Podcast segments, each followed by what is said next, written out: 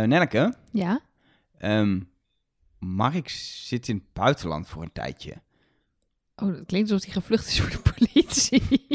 Ja, of hij doet mee aan Wie is de Mol in Nederland. Want dat is natuurlijk ook in het voorjaar altijd. maar waarom hoor ik hem dan toch grinniken? Ja, precies. Hij zit gewoon in Amerika. hij doet een... eh, ja, je bent de enige die straks nog naar Amerika moet. eh, en dan heeft in dit seizoen van de Mol iedereen een keer in Amerika gezeten Dus ik tijdens moet de opname. voor 5 mei moet ik nog even naar Amerika. Ja. Ja, dat gaat niet Kan toch wel, hoor. maar kan makkelijk. Nou ja, ja, misschien als, als ik een sponsordeal kan vinden. www.klm.com Brussel Airlines. misschien? Brussel Airlines. Catch the flight Uit- kunnen we ja, ervan maken. precies, precies. Lijkt mij ontzettend mooi. Ik ben heel goed in commando's opvolgen, dus... Dat is eh, waar, dat weet ik uit ervaring. Maar ik, oh, wauw. Ik heb eh, eh, gewoon, oh, eh, eh, hè, we, we willen graag dingen uit de, uit de afleveringen ook in het echt doen. Dus ik heb ook voor ons een, eh, een spelletje eh, bedacht. Oh, leuk. jee. Ja, dat heet Start de Lieder.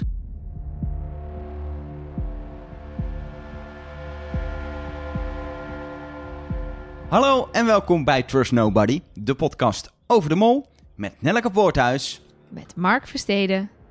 En met Elge van der Wel. Ja, en misschien moeten we even meteen eh, eh, tijdens deze intro nog duidelijk maken. We zijn gewoon met z'n drieën eh, een nieuwe podcast maken. Maar net zoals in de allereerste aflevering van dit seizoen zitten we niet gezellig aan een tafel. Ehm, ja, het is een beetje in het thema van de aflevering. Ja, we Er hebben is een bepaalde Avatar afstand. Mark. We hebben Sorry. Everton, we hebben Everton Mark. Ja, nee, ja, hallo. hallo. Waar- Jullie kunnen mij besturen. Ja, zeg het maar. Waar ben je? Ik eh, ben in New York. Oh, dat is wel lekker. Ja, zeker. Het is hier heerlijk. Ja, ik was even toe aan vakantie. En eh, eh, dus ik had al vrij van mijn werk genomen. Toen besloten we om die Belgische Mol-podcast toch te gaan maken. Maar ja, ik ben wel even hier. Maar even voor, voor duidelijkheid, we nemen, dit, we nemen het op donderdagavond. We kunnen het best even vertellen.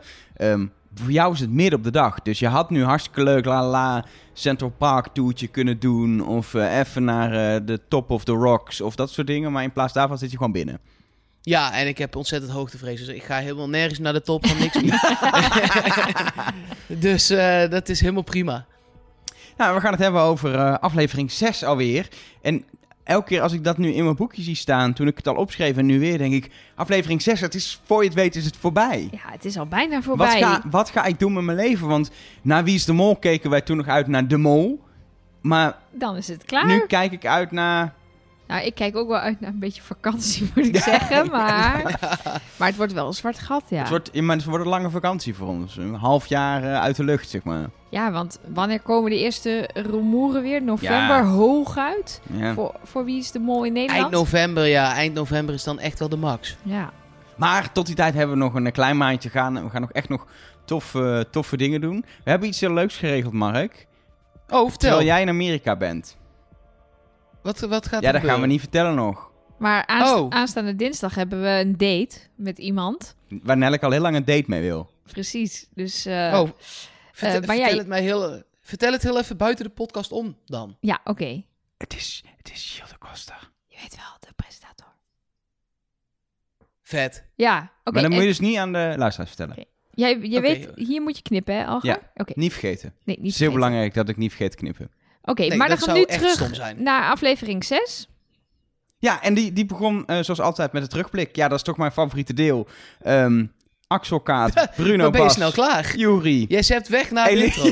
ja, Elisabeth. Eh, hey, het, ja, en ik, er zit... Ik heb eindelijk een theorie gevonden. Nee, Ja, die hierover gaat. Alleen één heel groot probleem. hij klopt niet. Hij wees naar Bruno. Ja, nee, dat, ik heb, er is ook iemand geweest die hem heeft gemaild. Of ge- ik heb hem ergens in onze contact met de luisteraars langs zien komen. Die zei, Bruno verschuift elke Ja. keer een plekje. Ja, van, van 9 naar 8 naar 7, zoiets. Naar Naar- zes, naar vijf, naar huis. ja, precies, zoiets was het. Dus eh, sorry, nee, het slaat nergens op. Nee, daar zit volgens mij niks in. Eh, daarna eh, meteen, net zoals vorige keer, een opener die eigenlijk tease naar wat deze aflevering gaat brengen. Ja, die, die game, Catch the Flight. Ik vind het zo'n goed bedachte opdracht en zo extreem goed uitgevoerd. Inclusief de muur van dozen waar ze doorheen moesten rijden. Ik, ik nog steeds denk ik, hier, dit ga je niet meer overheen komen over deze opdracht. Nee, dit was denk ik echt de, een van de beste, misschien wel de beste opdracht die ooit in de mol heeft gezeten. Ja. Ja. en dat ze het hebben aangedurfd ook. Met, met dat je, je is zoveel afhankelijk van een goede internetverbinding. En dat, dat, dat daar op, op Brussel Zaventem, dat dat Is- team daar goed Ik, ik zou me wat dat betreft ook meer zorgen maken over de verbinding in Brussel dan in eh, Azië in een, eh, in een gamecafé. Want dat, dat,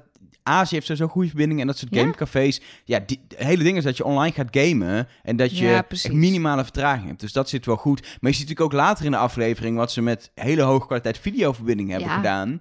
Ja, het is echt, ze hebben echt technisch eh, hoogstaande dingen gedaan deze aflevering. Ja, nee, echt fantastisch. Maar ook de, de, de spelopzet, dat beginnetje, dat, dat, dat spannende beginnetje had voor mij na vorige week dan eigenlijk niet gehoeven. Nog Met- een keer zo'n zo'n introotje. Ja, ja. en- Nee, ik vind het moet wel geen leuk. trucje worden. Nee, maar ik vind het wel grappig. Ik zag een beetje zo mensen in de montage voor me die gewoon lekker aan het freaken zijn. Dat ik dacht, oh, dat gun ik ze. Dat ze gewoon elke week iemand verantwoordelijk is voor dit liedertje. En die mag dan even alles uit de kast halen wat hij Ja. heeft. Ja, oké, oké. Ik snap dat het leuk is als maken, maar ik dacht een beetje... Oh ja, dat heb ik al gezien, volgende Ja. week. Ja. Ja, de, in principe kun je natuurlijk elke aflevering ook met zoiets beginnen, maar dan wordt het inderdaad een soort format trucje. Het maar was, wat, een- wat, een- dit, tot zover het zuur hoor, want, want wat een opdracht. Ja. Wat een opdracht. ja, maar voordat we naar die opdracht gaan, eh, begint eigenlijk de nee, aflevering we gaan naar die echt- opdracht, kom. Nee, Fuck de rest. we beginnen op dag 11. Die beginnen ze in Halong nog, maar dan reizen ze door naar, eh, naar Hanoi, eh, grote stad, ehm, waar onder andere je ook eh, eh, kan klooien met scootertjes schijnt. Ehm, en daar ehm, gaan ze in eerste instantie eh, deze opdracht doen. Onderweg eh, zien we in de auto eh, Yuri nog zeggen dat eventueel de familie niet zou komen. Dat kunnen ze niet maken. Dan creëer je emotionele tijdbommen. Nou, Ik ben benieuwd wanneer Yuri ontploft. ik vond het daar wel eh, grappig om te zien dat eh, volgens mij Axel zegt... ach, die zitten met z'n allen op een super deluxe locatie op ons te wachten. En dat Kaat dan vanaf de achterbank roept... Nou, dat denk ik niet. Dat vond ik wel, ik denk, nou, of ze heeft voorkennis... of ze gelooft gewoon niet de theorie van Axel. Maar, maar, eh, ik vond het sowieso interessant dat dit gesprek opeens... Is dit door de productie aangewakkerd dat ze hierover gingen praten? Dat het gesprek ja, komt, je- komen ze wel of je niet? hoeft alleen maar te zeggen... joh, we gaan nu naar Hanoi en daar gaan, zal iets gaan gebeuren met jullie bezoekers. En Ja, dan maar- wakker je het gesprek Ja, maar aan. de discussie gaat heel erg over, komen ze nog of niet? Dat ze misschien niet zou komen, dat zie je in dat gesprek ontstaan. Hm. Ja, Ja, je, de, de rit kan heel lang zijn geweest. hè. Als je het drie kwartier erover hebt en je zit in Wie is de Mol en je hebt al 21 mindfucks achter de rug, dan ga je wel ook echt Het- aan dat Het soort zou dingen echt wel denken, een mindfuck ik. zijn als je opeens in Wie is de Mol zit, terwijl je aan de Belgische Mol meedoet.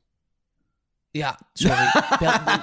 in de mol zit. Nee, maar je, je, je, hebt, je hebt al zoveel dingen die anders zijn gelopen dan anders Mhm. gehad, dat je achter alles ook iets gaat zoeken. Je denkt ook, ja, normaal eten we om zes, maar misschien eten we vandaag wel niet. Nou, Of- dat, dat, dat hoorde ik ook heel even, heel klein sprongetje vooruit. Dat eh, hoorde ik van de broer van Kaat en de vrouw van Yuri. Die konden dus bij dat dineetje met die schermen ook niet relaxen. Want die dachten, ik word hier over, ik moet hier een quiz over invullen. Dit, eh, er komen hier over vragen in de test. En Oh. die waren gewoon totaal niet relaxed. Ja, zo zou ik ook in dat spel zitten. Ik denk, dit, dit, Precies. dit kan niet gewoon een etentje zijn. Dus ze nee, waren, maar daarom, daarom geloof ik wel dat dat gesprek daarover ging in de auto. Ja, dat je de hele tijd hebt over wat zo zou er gebeuren, wat zou er gebeuren. Ja. Nou, in, in ieder geval, eh, eh, die proef bestaan uiteindelijk uit een game met, eh, met drie levels. Ehm, wat daar wel interessant is, vind ik, voor de proef, het type proef en het feit dat er maar één iemand kan komen, dat als het jouw eh, man of vrouw is en je ook nog jonge kinderen hebt, dat het voor jou veel belangrijker is dan je neef of je nicht. Dat vond ik heel opvallend. Iedereen mag natuurlijk zijn eigen familie uitkiezen. Normaal is het natuurlijk ook zo dat ja, voor de ene is het leuk als er iemand komt, voor de andere wil je het ook echt, omdat je diegene heel graag weer wil zien. Maar in dit geval wordt daardoor de, de manier waarop je die opdracht ingaat, Ja. die proef ingaat, wordt wel echt compleet anders voor mijn gevoel. ja, ik denk dat Ja. als ik in Wie is de Mol zou zitten en mijn zusje zou langskomen, dat zou super tof zijn. Maar als jij Elgar langs zou kunnen komen en dat lukt niet, dan ben ik wel in tranen, zeg maar. Dat is gewoon een ander, ander gevoel. En ik denk alleen maar, oh lekker rustig, hoef ik Ja, daar niet heen. Precies, ik wist al dat je zoiets ging. Hé, hey, maar. Elger, Ja, ehm, ik, ik, ik wil even iets anders met je doornemen, eh, eh, wat met deze proef te maken heeft. Heb jij wel eens, heb jij ooit iemand geslagen in je leven? heb ik ooit iemand geslagen in mijn leven? Nee. Nee. Zou het niet Ik eens tijd worden? een Want die man in die regenjas, Ja, die verdient een pak slaag. Ja, die man in die regenjas. ja, die, die mag ze wel even hebben van je. Ja. Nee, dat klopt. Die man die regenjas, daar heb ik nog een appeltje mee te schillen. Dat was namelijk de spoiler van Elger, noemen we die al. Dat er een man in de regenjas had gezegd dat de familie van Axel sowieso naar Vietnam zou komen. No way. No way. Foute informatie. Het kan nog, hè? Er zijn nog meerdere afleveringen. Ja, maar dat gaat niet meer gebeuren. Nee, maar hoe, hoe, hoe is dit gegaan? Nee, ja, daar kan ik niks over zeggen. Dit is iemand die heeft dit gemeld. Iemand met wie we al meer contact hebben gehad eh, over de mol. En die eerder toch al goede informatie heeft gemeld. Die dit meldde, waarop ik ook wel vertrouwen in heb dat diegene klopt. En diegene heeft zelf het idee dat hij misleid is. Door weer zijn bron. En dat kwam via via, lekker stiekem. Ja, ja, ja. ja, Ja, maar ik kan me voorstellen, want eh, ik heb best wel veel informatie over de familieleden die wel dan wel niet daar waren. Puur omdat ik een artikel in de Humo heb gelezen, wat ik elke week gewoon Nelleke even zit doe. zo diep in de Belgische media tegenwoordig. Ja, ik koop Ze gewoon nog nooit een. Nederlandse krant van binnen ge- opengebladerd, maar Ah, alle elke- eh, Belgische media. eh, Elke week de humor. Nee, er was een heel mooi interview, een heel lang interview met, met de familie van de deelnemers in, eh, in de Humo. En het was super, super interessant. En die zeiden bijvoorbeeld ook dat ze het best wel lastig vonden. Want zij wisten op een gegeven moment... Natuurlijk, mijn partner, broer, zus, neef, nicht eh, doet mee aan de mol. Maar dat mag ik tegen niemand zeggen. Dus bijvoorbeeld Bruno had gezegd... ik ga fietsen in Vietnam. Goeie. Was, was een gok, hè, van Bruno. Had hij gewoon gezegd, ik ga Oh, fietsen in Vietnam. hij En wist niet naar wist- Vietnam ging. Ze wisten niet waar ze naartoe gingen. Nice. Dus, ehm, en toen was het, zijn vrouw zou hem dan misschien opzoeken of misschien ook niet. Weet je wel? Dus je moet Oh, zeggen, ja. ja. misschien ga ik naar hem toe, maar het ligt er een beetje aan hoe het gaat met Bruno op de fiets. Nee, het ligt eraan hoe ver Bruno komt in, in, in de afleveringen. Maar ja, hoe, hoe Precies verkoop ver je dat? Hoe verkoop je dat aan, aan de mensen thuis? Dus daar hadden ze best wel moeite mee. Dus ik kan me ook voorstellen dat die Marie misschien... Want ik zei al tegen Elge, die op een of andere manier leek zij mij ook een piloot of een stewardess of iets. Ik weet niet, ik kreeg zo'n vibe van haar. Ehm, dat zij misschien op de werk wel heeft gezegd van... joh, ik eh, ben ook een tijdje weg. En dan of ze zit gewoon undercover thuis... of ze gaat daadwerkelijk naar Vietnam. Maar ja, In ieder geval, het is, Ja. ze is niet daarheen gevlogen. Laten we Nee. dat duidelijk zijn. ze heeft Eh, dus wel een hele dag in een loods op Brussel Airport gestaan. in de ijs, eh, ijskoude buitenlucht daar. Oh. Maar eh, verder niet. Misschien even goed om door te nemen wie nou wie, eh, wie, nou wie had, wat voor familielid. Ehm, Ja. eh, je had de vrouw van Jury, die heet Evelien. Eh, je had eh, eh, eh, eh, Bas, die zijn nicht had, Julie. Ehm, Kaat had haar broer Lander. Eh, dan had Axel zijn vriendin Marie. Bruno zijn vrouw Vera. En Elisabeth haar man Michael, die uiteindelijk natuurlijk ook echt daadwerkelijk het spel won en, en won. Maar we hebben dus eigenlijk eh, bij Bas en Kaat ja, niet de partner, maar gewoon familie. Eh, dus die, ja, die, voor hun is het gewoon net wat minder belangrijk. Ehm, en ik denk zeker voor zowel Juri als Elisabeth, die allebei jonge kinderen had, dat het, ja, dan is het nog meer een ding. Want je mist ook nog je kinderen. Dan, is, dan wil je ook gewoon even van je partner horen dat het echt wel goed is met de kinderen, et Ja, en cetera. Ik hoorde veel mensen ook zeggen, ik kan, ja, ja, ze zijn nog maar anderhalf, twee weken zonder hun partner. Dat moet toch wel lukken? Maar je hebt ook 0,0 contact, hè? Nee, geen ja. WhatsAppje, niks. Je, je hebt geen telefoon. Dat is misschien wel goed om Nee, inderdaad dat te is in. Nederland anders. Hè? In Nederland krijgen ze gewoon s'avonds een uurtje met hun mobiel. En dan eh, mogen Kunnen ze daar even een Instagram bijwerken. Precies, Even want- influencen. zodat ze na Wie is de Mol al die sponsordeals binnen kunnen Precies, halen. nou, dat lukt altijd wel goed. Precies, maar nee, maar dus, dus het is natuurlijk logisch dat je dat je, je partner eh, mist. Maar ik heb inderdaad eh Elge wel eens wekenlang niet gezien, maar nog nooit wekenlang geen contact gehad. Gewoon niet eens een WhatsAppje, niks. Ja. Wat, wat, wat interessant hieraan is, aan die verdeling, is vervolgens in mijn ogen de groepsverdeling. Ja. Het rode en het blauwe team, waarbij de twee mensen met de, ik noem het maar even verre familie, daar is het niet, maar niet de partner, in een team komen samen met Elisabeth, waar je dus inderdaad mensen hebt die het misschien ook, Elisabeth, als zij als team doorgaan, wil Mhm. gunnen dat haar partner komt. Misschien Ja. goed om daar ook even dat over is te inderdaad praten. wel waar. Maar eh, eh, zou je als mol in dat groepje met Elisabeth willen zitten? Of niet? Ja, dat is Ja, de vraag. jawel, Waar- ik waar- zou Wat zeggen- wil je, wil je als mol je partner binnenhalen of nee, niet? ik zou zeggen als mol ehm, wil je niet je partner binnenhalen. Je wil voornamelijk geen geld eh, met deze opdracht verdienen. Ehm, ja, kijk, dat is, voor mij zou het heel persoonlijk zijn als ik, met die, als ik met die rol van mol bezig zou zijn, dan wil ik niet iemand daar hebben die mij kent. Nee. Dat zou ik ingewikkeld vinden. Ik zou uit mijn rol vallen. Maar goed, daar kan je over twisten natuurlijk. Dus mijn tactiek als mol zou zijn... ik eh, eh, zoek een fanatieke kandidaat. Eh, nou, dan wist je van tevoren al dat dat Elisabeth zou zijn. Want die had al drie afleveringen lang zitten janken bij het zwembad... met de foto's van haar kinderen in de hand. Daarvan wist je, die gaat ervoor. Ja, en hoe harder je gaat voor je partner daar naartoe halen, hoe minder geld er verdiend wordt. Maar het kan ook een hele slimme tactiek zijn. Juist omdat je al drie, dat je het eigenlijk. Kijk, tuurlijk mis je iemand. Maar dat zij het wel de, de, in de dagen daarvoor al zo heeft aangezet. Mhm. Dat, dat mensen het ook haar zijn beginnen te gunnen. Ja. Nou ja, daar moest ik ook aan denken, want dat heeft Jules van Bouwel verteld in de podcast eh, die we met hem hebben opgenomen. Dat hij ook eh, voor bepaalde proeven al, al een paar afleveringen van tevoren zaadjes ging planten. Iets met zonnebrandcrème, je moet maar luisteren. Maar dat, dat, dat je dus daarover nadenkt van... hé, hey, ik moet dan een paar keer heel erg eh, eh, roepen dat ik Michael mis... want dan wordt me dat gegund. Ja, maar er is, er, is, er is één, denk ik, heel belangrijk ding in wat wil je als mol. En dat is, wat is het uiteindelijke resultaat? En het resultaat is dat je uiteindelijk aan het eind van de aflevering iemand hebt die een test kan maken waarmee je een verdachte eventueel kan afstrepen. Wat iemand Briljant. super dichtbij de mol kan brengen. Als mol wil je absoluut niet ontdekt worden. Dus wil je Hmm. kosten wat kost, volgens mij, voorkomen dat een van de kandidaten zijn of haar partner heeft. Ja, dat begrijp ik. Maar ik zou het echt hetzelfde als dat ik het had gevonden met Eva in die auto als nepafvaller, als dat de mol zou zijn, zou ik dit ook één groot toneelstuk vinden. Dan gaat Elisabeth daar, Ze heeft Haar wel man het spel zit- moeten spelen. maar dan gaat Elisabeth daar haar man zitten instrueren om een test in te vullen. En het is allemaal fake. Ja, maar ja, het is wel de perfecte actie die je als mol kan doen, omdat je gewoon niet ontdekt wil worden. Kom bij dat in het dagboek van de mol, de mol de vorige keer heel duidelijk heeft gezegd, de kandidaten weten nog niet dat hun familie niet komt. Mhm. Dat is even heel zwart-wit gezegd, als je heel letterlijk neemt, komt niemands familie van geen enkele kandidaat. Nee, Dat maar dat kun je. Ja, maar dat kun Als je je het letterlijk voordat neemt, het spel begint. Ja, maar voor, dat, ik, ik ga ervan uit dat dat netjes is opgenomen voordat die opdracht plaatsvond.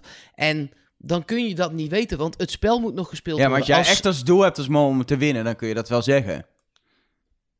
En misschien ben ik Ja, nu te ja. conspiracy eh, theory. eh, Ja, ik, Nee, wat, ja. wat bij mij gewoon Dat- heel ik- erg meespeelt, en dat komt telkens weer terug bij Elisabeth. Ze zit daar achter die, achter die, eh, die computer. Ze is super blij dat ze Michael ziet. Ze poppen die ballonnen. Ze krijgen die zin. Er komt slechts één persoon. Wat staat er ook alweer? Er slechts één bezoeker komt naar Vietnam. En ze krijgt onmiddellijk tranen in de ogen. Ze begint een beetje te, te, te grimassen om, om dat te onderdrukken. Nou, da- dan ben je echt een goede actrice als je dat kan. Nou ja, nou heb Het ik is dit ook, heel vaak gezegd over Merel in Nederland. Hè? En die bleek wel de mol, dus... eh, ja, ik Ja, heb, en ja. het rare is, ik heb dus tijdens het kijken opgeschreven, Elisabeth reageert geacteerd. hmm. Omdat ik het een beetje fake vond hoe ze reageren. Ehm, Axel die zei gewoon le- lekker als, als een echt goede Vlaming. En meen je het toch niet? Vond ik een mooie reactie. Ik deed het nu met een soort Brabants accent, maar het was Vlaams op tv. Ehm, eh, eh, Bas, heel fanatiek. De game is zo al wat spannend. Die was echt excited over die hele opdracht. Hoe vet hij het vond. Omdat hij natuurlijk Die vond bij gewoon de hem- opdracht leuk. Ja, maar ook omdat natuurlijk bij hem was het gewoon... eh, eh, zijn nicht die kwam, dus was het ook minder eh, eh, belangrijk. Ja, die Ehm, had niet heel veel stakes in de en- game, zeg en, maar. en Juri's het reactie was alleen maar... Holy fuck, wat doen ze? Hij vond het heel mooi dat de, dat de makers dit bij hem flikten op deze manier bijna. Ja. Hij vond het super Ja, ja, zuur, maar ook zo vet dat ze het op deze manier deden. Wat ik, wat ik, wat ik wel een super oprechte reactie vond. Vond ik misschien wel de meest oprechte reactie die van Jury. Maar iemand die gewoon meteen moet huilen, ik vind dat best wel knap ik denk ook dat kun je dan. niet acteren als je geen actrice bent, denk ik hoor. Ja, nee, maar ja, en ik vind dat ja, bij nee, Elisabeth want- de hele ja, tijd. Je maar kan haar gezicht zo in, goed in lezen. dit geval, als jij inderdaad gewoon kinderen hebt die heel jong zijn en die je al anderhalf week niet hebt gezien, is het vrij makkelijk om in de relatie daar tot gewoon emotie op te wekken en te gaan huilen omdat je inderdaad je kinderen gewoon mist. Die emotie zet je dan in voor iets anders. Mhm. Ehm, Ja. Maar dat, weet je, en ik, nee, joh, zo, ik zeg zo niet dat Elisabeth de mol is, hè. zoeken, ik, ik, ik analyseer gewoon wat er is en ik heb Elisabeth tot nu toe eigenlijk niet verdacht, maar ik vind er in deze opdracht, in dit hele verhaal, toch wel een belangrijke positie innemen en ook haar gedrag wel passen bij dat van een mogelijke mol. Maar ook dat bij net zo hard bij eventueel dat van een kandidaat die heel goed bezig is. Mhm. Alleen geloof ik niet dat de mol het een kandidaat zou laten lukken. Dat Nee, maar deze, opdracht was ook wel Ja, Eh, wel... Nou niet ja. heel moeilijk te. Dit was ook niet heel moeilijk om te laten mislukken, omdat je weet. Eh, er hebben minstens drie mensen uitgesproken dat ze het echt heel graag wilden dat de familie kwam. Dat ze daar alles voor over zouden hebben. Dat hebben ze eigenlijk een soort van bijna letterlijk wel gezegd. En eh, dan is het voor de mol ook prima om in dat eerste groepje te zitten. eh, net te doen of je 4000 euro wil gaan ophalen. Het komt namelijk toch niet binnen. Nee. Nee. Nee, ja, want laten we inderdaad even naar level 2 gaan, want daar kon het geld verdiend worden. Maximaal 5000 euro. En daar waren twee teams met een totaal andere aanpak. Team eh Yuri, Bruno en Axel, die gingen voor het geld. Die wisten ook alle vlaggen. En en met die, Axel eh, in je team eh, ken je alle vlaggen van de Jury wereld wist er ook veel hoor. Ja. Jury wist er ook veel, moet ik zeggen. En die, eh, en die haalden eh 4000 euro op. Bijna vijf, maar toen werden ze ingehaald door het andere team van Bas en Kaat en Elisabeth. Dat gewoon had besloten, dankzij Kaat, die stelde het voor, die andere twee gingen er Ja. ook wel in mee. Om gewoon te zeggen, joh, die strafminuten maakt niet uit. Wij checken gewoon vijf koffers achter elkaar in en dan Ja. zijn wij hopelijk de winnaars. Nou, dat werkt. Gaat al klaarstaan met gewoon drie koffers op een rijtje, zodat je meteen achter elkaar Ja. bij elke blokkade weer neer kan zetten. Wat ik wel mooi vond, Kaat zei daarbij nog wel aan het einde, ja, ik hoop dat we nog wel 1000 euro dan ja, dat ophalen. was ook per ongeluk gelukt, want Elisabeth checkte per ongeluk de vlag van Nieuw-Zeeland in. terwijl ze dachten dat het Australië, was. Ja, Ja, maar hoe per ongeluk was dat? ja. oké, goede vraag.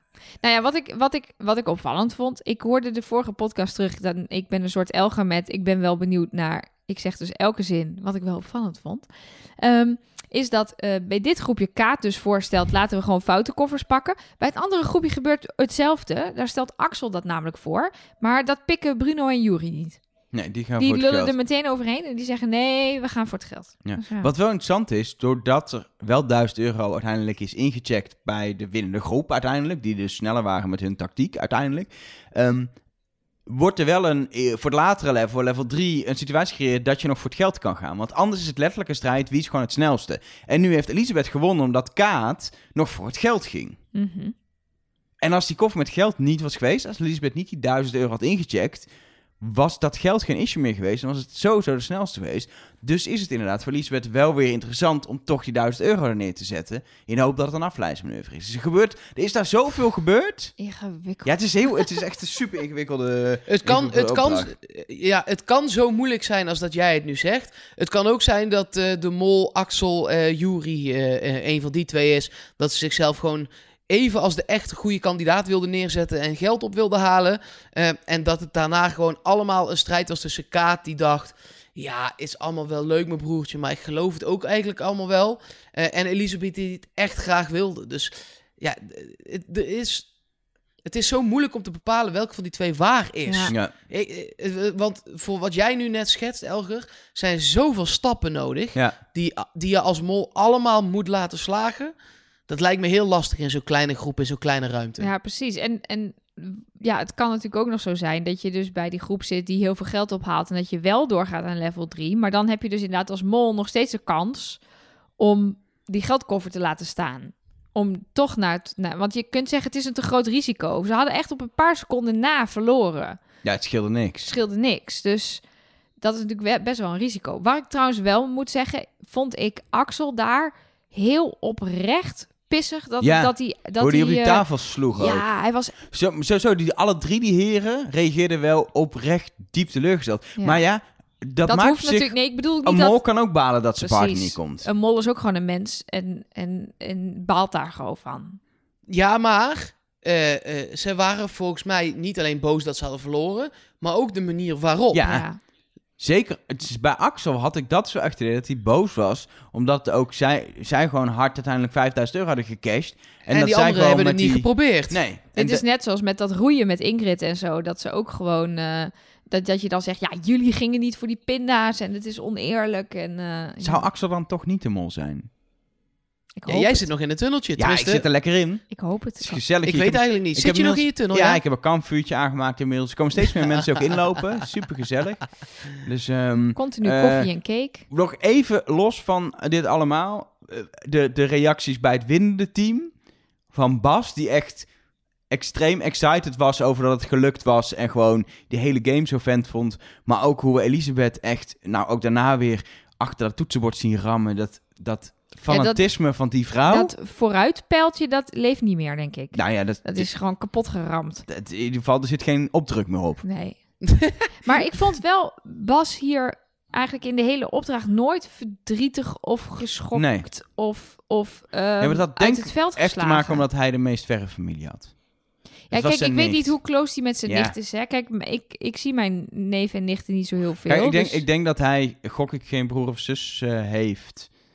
Geen partner. En nee, ja, geen dan, partner. En dan Eh, goed, goed overweg en kan dan, met of eh, die mensen willen niet, hè? Nee, dat kan ja, ook. of kunnen Het- niet. het dat is- kan ook ja. natuurlijk. Je moet ook vrij Ja. eh, regelen en Het zo. is, eh, het is allemaal wel heel wat. Als jij eh, een grote klus op je werk hebt, of eh, jij hebt net op dat moment eh, het kampioenschap van je favoriete sportclub, of Een baby weet ik- gekregen, weet ik Eh, veel. ja, ja, precies, weet ik veel. Eh, het, het, is ook, het kan ook zijn dat, dat je gewoon niet kan. Nee, dat, dat speelt zeker mee. Maar bij Bas natuurlijk ook wel zo dat als het echt een hele verre nicht is die je nooit ziet, dan ga je diegene niet vragen. Dan kies je een goede vriend of vriendin. Dus het zal inderdaad wel ze- redelijk close zijn. Zo maar, zagen ze tijdens het diner zagen ze er ook niet uit als mensen die elkaar nooit spreken. Maar eh, maar het is inderdaad niet... Weet je, het was leuk geweest als ze er was voor hem, maar eh, dit overleeft hij wel, zeg maar. precies. Gok ik. Ja, precies. nee, zeker. U- uiteindelijk was dus eh, eh, eh, de conclusie van de opdracht dat eh, Elisabeth haar partner op bezoek kreeg.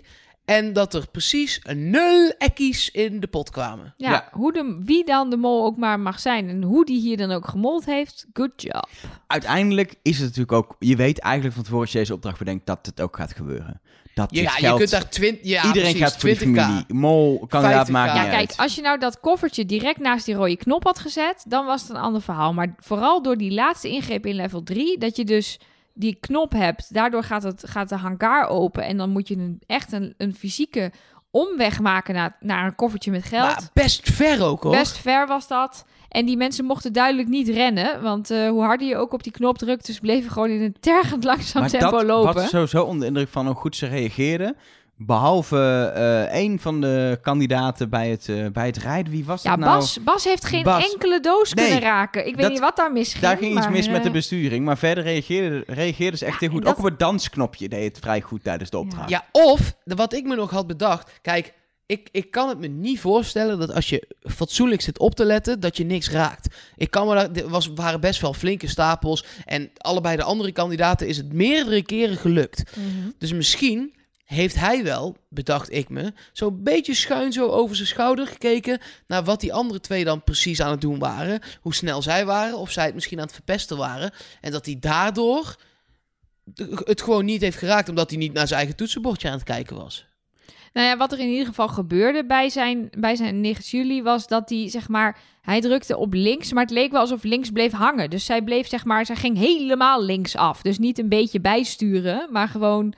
Dus het kan ook zijn dat ze zelf gewoon een slechte, slechte automobilist is. En dus bij elk keer als zij naar oren hoorde links, draaide ze de stuur helemaal naar links. Ja, Nog, nog, dat zou ook kunnen. nog één ik ben een beetje afgeleid omdat hier tegenover wordt een flat gebouwd. oh, oké. En er staan twee mannetjes, zeg maar, over de reling op een volgend nog te bouwen etage. Ugh. Dat is, dat is niet goed. hoe hoog ongeveer? Ja, ik zit 35, dus dit is zeker 20. Oké. Zijn ze gezekerd? Nee, ja, weet ik niet. Zo, het, is, het is 100 meter weg. Maar nou, volgens mij niet, want hij stapt er zo vrolijk weer terug overheen. Oh, doodeng. Oké. Kan hier allemaal gewoon, hè? Ja, het Ja. Kan hier allemaal gewoon. raar land. Ehm, dat, eh, dat even tezijde. Ehm Eén ding wat ik nog even wil zeggen, want we moeten deze opdracht willen afsluiten, want er is nog veel meer te bespreken. Maar Kaat die voor het geld gaat, waar je kan zeggen, het is voor haar minder belangrijk, ze gunt het Elisabeth.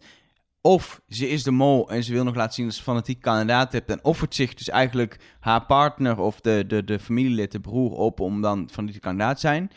Het punt wat ik wel daarmee heb, dan neem je dus wel het risico dat een kandidaat jou meer gaat verdenken door die test eh, te kunnen invullen. Ten koste van niet zo verdacht zijn omdat je richting een kop van 1000 euro loopt. Vind ik een dure, dure manier om jezelf minder verdacht te maken. Persoonlijk. Ja, al weet je eigenlijk wel... Kijk, zij heeft ook gekeken hoe ver precies. Elisabeth er nog achter zat. Ja. Ze zitten naast elkaar, hè? Gewoon Ja. drie computers op een rij. Als zij de mol is, dan kan ze één blik opzij werpen en denken... Oh, ik kan er wel even langs die koffer. Want Elisabeth haalt me dan gewoon in. En als het eenmaal... Die Elisabeth hoefde alleen maar eraan voorbij te lopen, hè? Daarna was het een ge- gelopen race. Want je kon niet iemand inhalen of tackelen of pootje lichten of zo. Ja, je kon dansen, maar dat schoot niet op. Nee, nee, nee, nee. Oh, en nu hoor ik sirenes. Alles goed ja, daar? nee, nee, dat komt helemaal... Ja, die rijden hier de hele dag, joh. Af en aan. dit, is, keer- dit keer is het brandweer. Het is daar nog steeds een stuk minder druk dan in eh, Hanoi op de weg. Zagen we in, eh, Zeker. in, eh, Ja. in, eh, in proef 2. Wat, wat, een- wat, een- wat een leuk idee Wat? om met die scooters, met die brommers maar te gaan wat een klooien. Ja, Ja, Dat oversteken daar. ja. Ja, dat moet ik hier niet proberen hoor. Nee, gewoon doorlopen is daar het devies. En gewoon niet inhouden, gewoon... Nou, ik vond het doodeng. Maar wel, zolang je één tempo aanhoudt, dan Ja. past de rest zich dus daar weer aan aan. Ja, Ja. Ik, vind dat, ik bedoel, dat kun je heel moeilijk in een wetboek opnemen, maar het, het is een goed systeem. Ja, Ja. ja. het werkt blijkbaar wel. Ik heb ook in mijn molboekje opgeschreven... Oversteken en dan met een emoji met een opengesperde mond erbij. Oké. Grote vraag hierbij is: drie groepjes, Mhm. namelijk de, de brommerrijders, de informatieverzamelaars en dus de, de schakel in alles.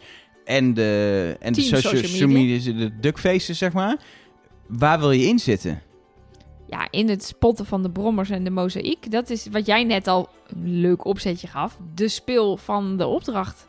Ja, Ja, maar Ja, ik... dat zo'n hele social media team, dat, dat, dat, ja, da- daar kun je niks mee, omdat je afhankelijk bent van anderen. En als die het goed doen, dan zit je daar Nou maar ja, je kan, je kan daar ook wel wat. Je kan natuurlijk slecht tekenen, zodat die man Maar dat niet... deed Elisabeth Nee, niet. precies. Zodat die man het niet herkende. Die man herkende zelfs een brug in een ladder. Dus Ja. die wat een topchauffeur. Vervolgens kan je daar een foute foto maken.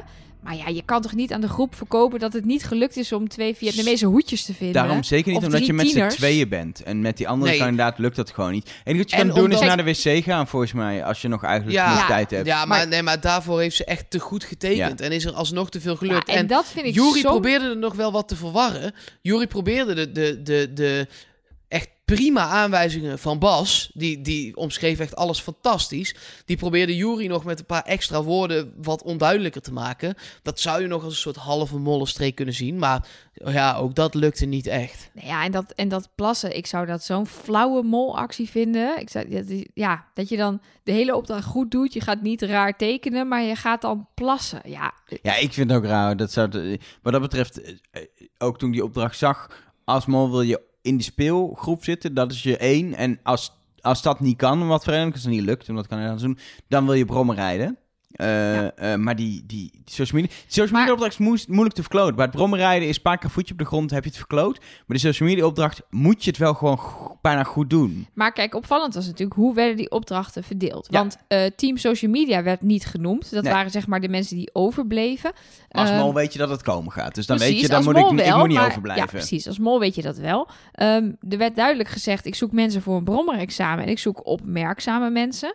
Ja, Kaat riep meteen... Kaat roept altijd als eerste iets. Vind ik altijd wel, wel ehm, interessant. Want wat ze roept is nooit ik wil dit. Maar ze zet de scene, zeg maar. Dus bijvoorbeeld met het verdelen van het geld in de vorige survival aflevering, eh, eh, proef, zei ze, oeh, dat, dat hele hoge bedrag vind ik heel eng. Dus, maar ze zegt wel als eerste iets in die groep. En deze keer zei ze, oeh, ik heb een brommer, maar ik durf hier niet te rijden. Dus dan zet je ook een soort van, ik durf niet op een brommer te rijden, dus daar ga ik al niet bij, bij die groep. Dus ja, ik En, zit en, natuurlijk en, een beetje Bruno, en Bruno zei Ja. vrij snel, ik wil wel, wat ik op dat moment best wel verdacht vond. Ehm, maar later iets minder. Eh, en eh, Axel die dan ook meegaat, maar die zeker niet het haantje de voorste was om mee te doen. Het was duidelijk Bruno die daar nou... Ik heb daar, en dat zag je ook toen hij er helemaal op zat. Die had echt Ja. zin om even daar te rijden. Dat was een kinderdroom. Ja, die, Ja. de- daar, eh, ja, je kon aan hem zien dat hij zeg maar al zijn hele, nou, eh, net 50 plus, eh, of is hij al 60 plus? Nee, hij is Nee. 59. Ja, precies. Nou, eh, bijna 60 jaar dat hij daarvan toch zeker al 40 jaar eh brommertje eh, rijdt thuis, zeg maar. Zo voelde het. Ja, precies. Nou ja, en daarna bij, het, bij de opmerkzame mensen is het ook Bas die als eerste zegt... ik vind mezelf wel opmerkzaam. En dan sluit Is Kaat ook zich daarbij wel aan. waar. Ik denk dat Bas ook wel... Nou ja, hij heeft al die mini, mini mozaïektegeltjes gespot. Dus eh Volgens knap, mij was hoor. het echt super moeilijk. Het leek mij ook een bijna onhaalbare opdracht. Vijf kilometer lang, hè? Die muur was vijf kilometer lang. Ze Ja. hadden wel twee uur de tijd, oké. maar Je wist wel dat het gebouw moest zijn, dus je kon wel eh, goed opletten waar je moest zoeken. Maar nog steeds is het lastig. was het echt knap, ja. Zeker omdat hij het in zijn eentje moest doen. Want Kaat was, eh, nou ja, ik wilde zeggen op de weg aan het letten. Maar dat viel allemaal nog wel reuze mee. Kaat lette- de twee lette- belangrijkste heeft ze gemist. zeggen, Kaat lette vooral op de, eh, de vermenigvuldigers die wel wat opleverden en die niet wat opleverden. Dan zag ze bijvoorbeeld alleen het maalteken en niet de nul staan. Of ze de, de halvering vergat ze. Dat vond ik iets wat opvallend. Dat ik denk, qua molactie deze dat best wel goed. Ja, en weet je wat mij... Ik zit nog steeds in de K-tunnel, maar wat mij daar dwars zit... is dat dat dan in slow motion heel duidelijk in beeld werd gebracht. En ik weet niet zo goed of dat nou, want het is wel een beetje de stijl van de mol, hè? Dat soms gewoon, soms zie je gewoon molacties. En Ja. dat mag gewoon getoond worden. En je ziet ook gekke acties van anderen. Dus er is genoeg misleiding. Maar je kan de mol ontdekken door gewoon Ja, te kijken. Maar goed, Uiteindelijk hebben de molacties ook geen... Als het molacties zijn, hebben ze geen zin gehad. Want uiteindelijk is, hebben, die, hebben ze bij het brommenrijden niet eens eh, het einde gehaald. Nee, precies. Niemand heeft iets opgehaald. Maar ja, nee, maar daar kun je toch niet van uitgaan. Nee, als- nee, Nee, nee, daarom, nee. nee. daarom. Maar kijk, in Nederland zijn we zo gewend dat dit soort dingen gewoon niet meer getoond worden in Wie is de Mol. Dat je denkt, ja, dit kan niet de mol zijn, want ik, ik zie hoe Kaat staat te kijken en hoe vervolgens die gedeeld door twee eh, met dat schip achterop voorbij komt rijden. En dat, is, dat hebben ze laten zien, dus zij kan niet de mol zijn. Ja, ik Nee, maar jij zegt het wel goed wat dat betreft. Nee, ja, jij zegt het goed wat dat betreft. Er is gewoon een andere visie van de programmamakers. De ene zegt, we laten niks meer zien. En de ander zegt, we laten van iedereen iets zien. Ja, en dan moet je je eigen conclusies eh, maar trekken. Ja. ja. Ja, Ja, want in principe, kijk, als je op, op Axel of op Brun- Bruno ging het natuurlijk uit. Maar ja, die hebben natuurlijk gewoon allebei dat brommerrijden verkloot. Dus ja, dat hebben we ook gezien. ja, het wa- was ook wel echt moeilijk. Met, met 28 matrassen, twee kippen die je dan ook nog vernoemt. Ja, fantastisch. Dat je die kippen dan vernoemt naar je, naar je twee vrouwen. Ja. Ja, Wat, wat, wat, wat, en wat er ook nog kan spelen... Vorige opdracht 0 euro verdient. Familie komt niet. Programma zegt tegen de mol... Doe maar rustig mee. Haal niet te veel op, maar doe maar gewoon rustig mee. Ga op social media tocht, ik noem maar even iets. Of ga brommen rijden, doe je best. Eh, het zijn toch niet extreem hoge bedragen. Het ging nergens om duizend... Ja, bij social media kon het 2000 euro Ja. zijn. Maar nergens om extreem... Doe gewoon je ding, laat deze opdracht. We zien wel hoe het loopt. Want het is net allemaal heel heftig geweest. Is er nog een optie, hè? Dat wij nu aan het zoeken zijn naar een mol... en dat de mol zich echt even gedijst in heeft deze gehouden. opdracht eh, Ja, niet zo heel maar- veel heeft gedaan. Stel de mol zit daarbij. Hoe, hoe follow the money wise moet je het dan verdelen? Want het geld is opgehaald bij het social media team. Je kunt het dan, ik zag online een aantal mensen het dan verdelen tussen vier, maar Kaat heeft met dat social Nee. media team niks Dus te maken Ba- gehad. Bas, Bas heeft het gedaan samen met, eh met en Ja. Elisabeth. Ja, dat Dus zou ik ook Allemaal zeggen. ja. 500. Allemaal Ja, 500. en jouw zoiets. voor de Ja, money nou, theorie allemaal 500. Oké. Hey, maar dat nog- had ik, dus dan eh, zijn we het Nog daarover even eens. terug op die kippen. Hè. Ik moet toch even zeggen dat ik het niet helemaal eens ben met de manier waarop in de mol dieren worden gebruikt. Ik vond het echt zielig. Die kippen hebben er geen last van. Waren nepkippen. Waren nou, nepkippen. Ja joh, helemaal prima. Nou, volgende keer moeten ze inderdaad gewoon robotkippen gebruiken. Want die, Wat maakt het nou uit? nou, die beesten hadden mega stress. Die knalden op nou de en? grond. Ja, nee, ik vind dat echt, ik vind dat echt niet kunnen. En dat, doen dat Ja, doen ja. ze nu de hele tijd al. Met konijnen en varkens en eh, alles komt voorbij. Volgende week komen, Gleedpotige. volgende week komen er enorme roedel ganzen. Ik weet nog niet wat we daarmee gaan doen, maar het zag er niet... eh Die werden gewoon gevoerd. Nou, ik, nou, ze eh, waren best eh, boos of zo, leek het. Ja, dat gaan we zien volgende Ja. week. Ja, als je dit al erg vond voor die kippen, dan zal ik jou maar niet vertellen wat er twee dagen later met ze gebeurde. Ja, nee, ja daarom, eet ik, daarom eet ik ook geen vlees. Omdat ik dit dus inderdaad gewoon heel zielig vind. Ik vind inderdaad dat als je dit zielig vindt en je eet ze vervolgens op, dan ben je hypocriet. Maar goed, dat doe ik dus Ja. niet. Dus daarom eet ik ze ook niet. Maar eh, ja, nee, ik vond... Het, ja, dan vernoem je ze ook nog naar je vriendin en je vrouw. En vervolgens eh, vliegen ze, knallen ze wel heel hard op de grond. Maar goed. Maar even, Nee, ja, die mag ik kippen even, wisten mag ik even iets zeggen? Nee, maar ik wil Nee, nog heel nee, nee. zeggen dat ik dit dus al... Dat ik hier al langer mee zit. Dat ik het toch Maar- even wilde Ja, noemen. maar ik wil ook Nee, even... dat is heel goed. Ik, wat ik even wil zeggen, jerrycans hebben ook gevoel. Ja, en die kippen wisten waar ze aan begonnen. Die hebben gewoon netjes de quitclaim getekend. Precies. Het, dus die Ja, doet- niet Ze, zeuren. ze pikten dit gewoon, toch? Ja, Snap Oh, je? nou, het was Pik- wel- Kippen pikken zo, met hun Ja, snavel. ik snap Weet je- Snap- Ja? Ik snap weet, ja weet, je, eh, weet je wat die kip zei toen, eh, toen eh, Bruno eh, met die kooi tegen de grond klapte? Tok. Tok. Anyway, ehm, En Nelleke! We hebben, beeld, we hebben beeldverbinding, dus goed om te weten. ik, ik, zie, ik zie Nelleke nu wegduiken onder de tafels. Ja, zwart-wit, zwart-wit, zwart-wit. Boom. Boom. Anyway. Ja, Ehm, zelfs een pinguïn moest het, moest het moest Ontgelden. ontgelden deze, dit seizoen. Goed. Eh, Moeten we nog eens zeggen? Ja, misschien goed om te vertellen dat de, de gong, gedeeld door twee, dus de enige eh, negatieve effect wat wel is gezien, is niet gespot voor Kaat. Wijst hij niet aan Kaat toe. Dat was Bas Nee, dat was die hem Bas. ziet. Dus Ja. Kaat heeft letterlijk alles wat negatief was, gemist. En het enige stukje wat wel interessant was om dan te zien, de maal van maal 0 van die vaas, had ze de maal wel gezien. Ja, het is niemand- extreem verdacht. Precies. En niemand oh, eh, denkt aan een nul. Dus, dus ze zeggen zelfs nog, daar komt Axel mee. Ja, misschien is het wel maal 5. Want we hebben al maal 1, maal 2, maal 3, maal 4. Maal 4 zat er niet bij, maar dat zei hij wel. Ehm, dus ja, en, maar ik moet zeggen, Bruno kwam met dat schip aanlopen. Ja. Dus dat vond ik verdacht. Nou ja, die gingen natuurlijk uit. Maar ja, in eerste instantie hebben ze dat, al, die, al die dingen Het was weggezet. Axel die meteen zei, dat schip, dat weten we niet, dus eruit. Dat was Axel die het zei, meteen weg. Ja. En toen naar die andere, het ging zo discussiëren over welke fase het dan zou zijn. Eh, Axel ging echt wel voor safe hierin. Ja, en uiteindelijk komt Bruno dus met dat schip aan en die hangt hem er dus toch op. Ehm, kijk, als mol, als je daar zou zitten, is denk ik het handigste wat je kan doen, is een maal nul het liefst, want maal nul is nul. Ehm, aan de, jouw partners eh, eh, brommen hangen. En dan zelf gaan rijden met een maal 2, want dat is, of een maal 3, want dat ziet er goed uit. En dan vervolgens het niet halen. Zelf niet halen. En dan bij je partner maakt niet uit wat er gebeurt, want die heeft een maal 0 erop Ja, zitten. dat Maar zou goed. dan Bruno zijn, maar die Maar ja, was die is het dus niet. niet. de mol. Dus, dat, dus deze, deze En analyse had ik van tevoren. Maar goed, dat schiet niet op. Dus. En het is natuurlijk eh, super slim om als eerste te gaan. Ja. Omdat we hebben dat in eh, de Nederlandse Wie is de Mol eh, nog wel eens gezien. Dat eh, er ooit wel iemand eerst gaat om dan te laten zien hoe moeilijk iets is. Ook al is het misschien helemaal niet zo moeilijk. Zodat je als je als tweede moet en niet de mol bent, dan denkt... Oh, dat was wel, was wel, was wel echt moeilijk. Ja, Dan moet ik wel echt gaan oppassen. En als je twijfels gaat krijgen, dan gaat het altijd sneller mis. precies. Dus. Ja. Maar ja, uiteindelijk is daar 0 euro opgehaald.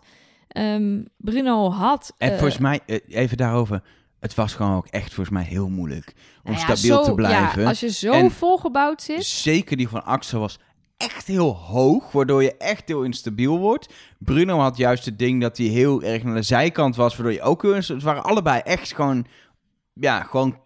Het bleef eraan zitten, maar je brommer wordt gewoon extreem instabiel om hele scherpe bochtjes te doen of ja, over een uiteindelijk hobbelding. dus die hobbels, die, die hebben ja, ze die, genekt. die, die, nou, omdat ze ook nog maar één poging daar hadden. Kijk, als je... Die, Ja, eigenlijk je- was het het cirkeltje wat ze nekte in het begin. Gewoon de start. Ja, Meteen een cirkel is ook moeilijk. Juist omdat je instabiel bent, zijn die bochtjes lastig. Verspeel je al een aantal beurten en moet je alles in één keer doen. Ik hoorde van iemand dat die, die motorrijles heeft gehad, dat die slalom ook, of niet de slalom, maar de, de cirkel, De of de acht. acht, dat dat ook echt verschrikkelijk is. Dat dat voor Ja. niemand leuk is. Dus dat is niet super makkelijk. Ja. Nee. Doordat er maar 0 euro bij is gekomen, blijft de pot eh, staan. eh, ook voor deze aflevering.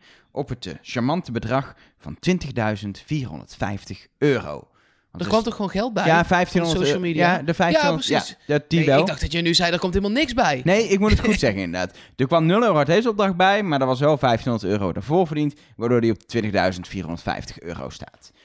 Wat ik vorige keer al zei, het is een lekker bedrag. Ik zou, ik zou het meenemen. Ja hoor. Dan reizen ze door, eh, diezelfde dag nog naar een andere grote stad. Het eh, voormalige Saigon, waar ik meteen denk aan allerlei musicals. Ehm, Ho Chi Minh eh, stad. Ehm, in het hotel waar dan, eh, waar dan Michael aankomt. Ja, dat was een Dat is eh, toch lief. romantisch onthaal.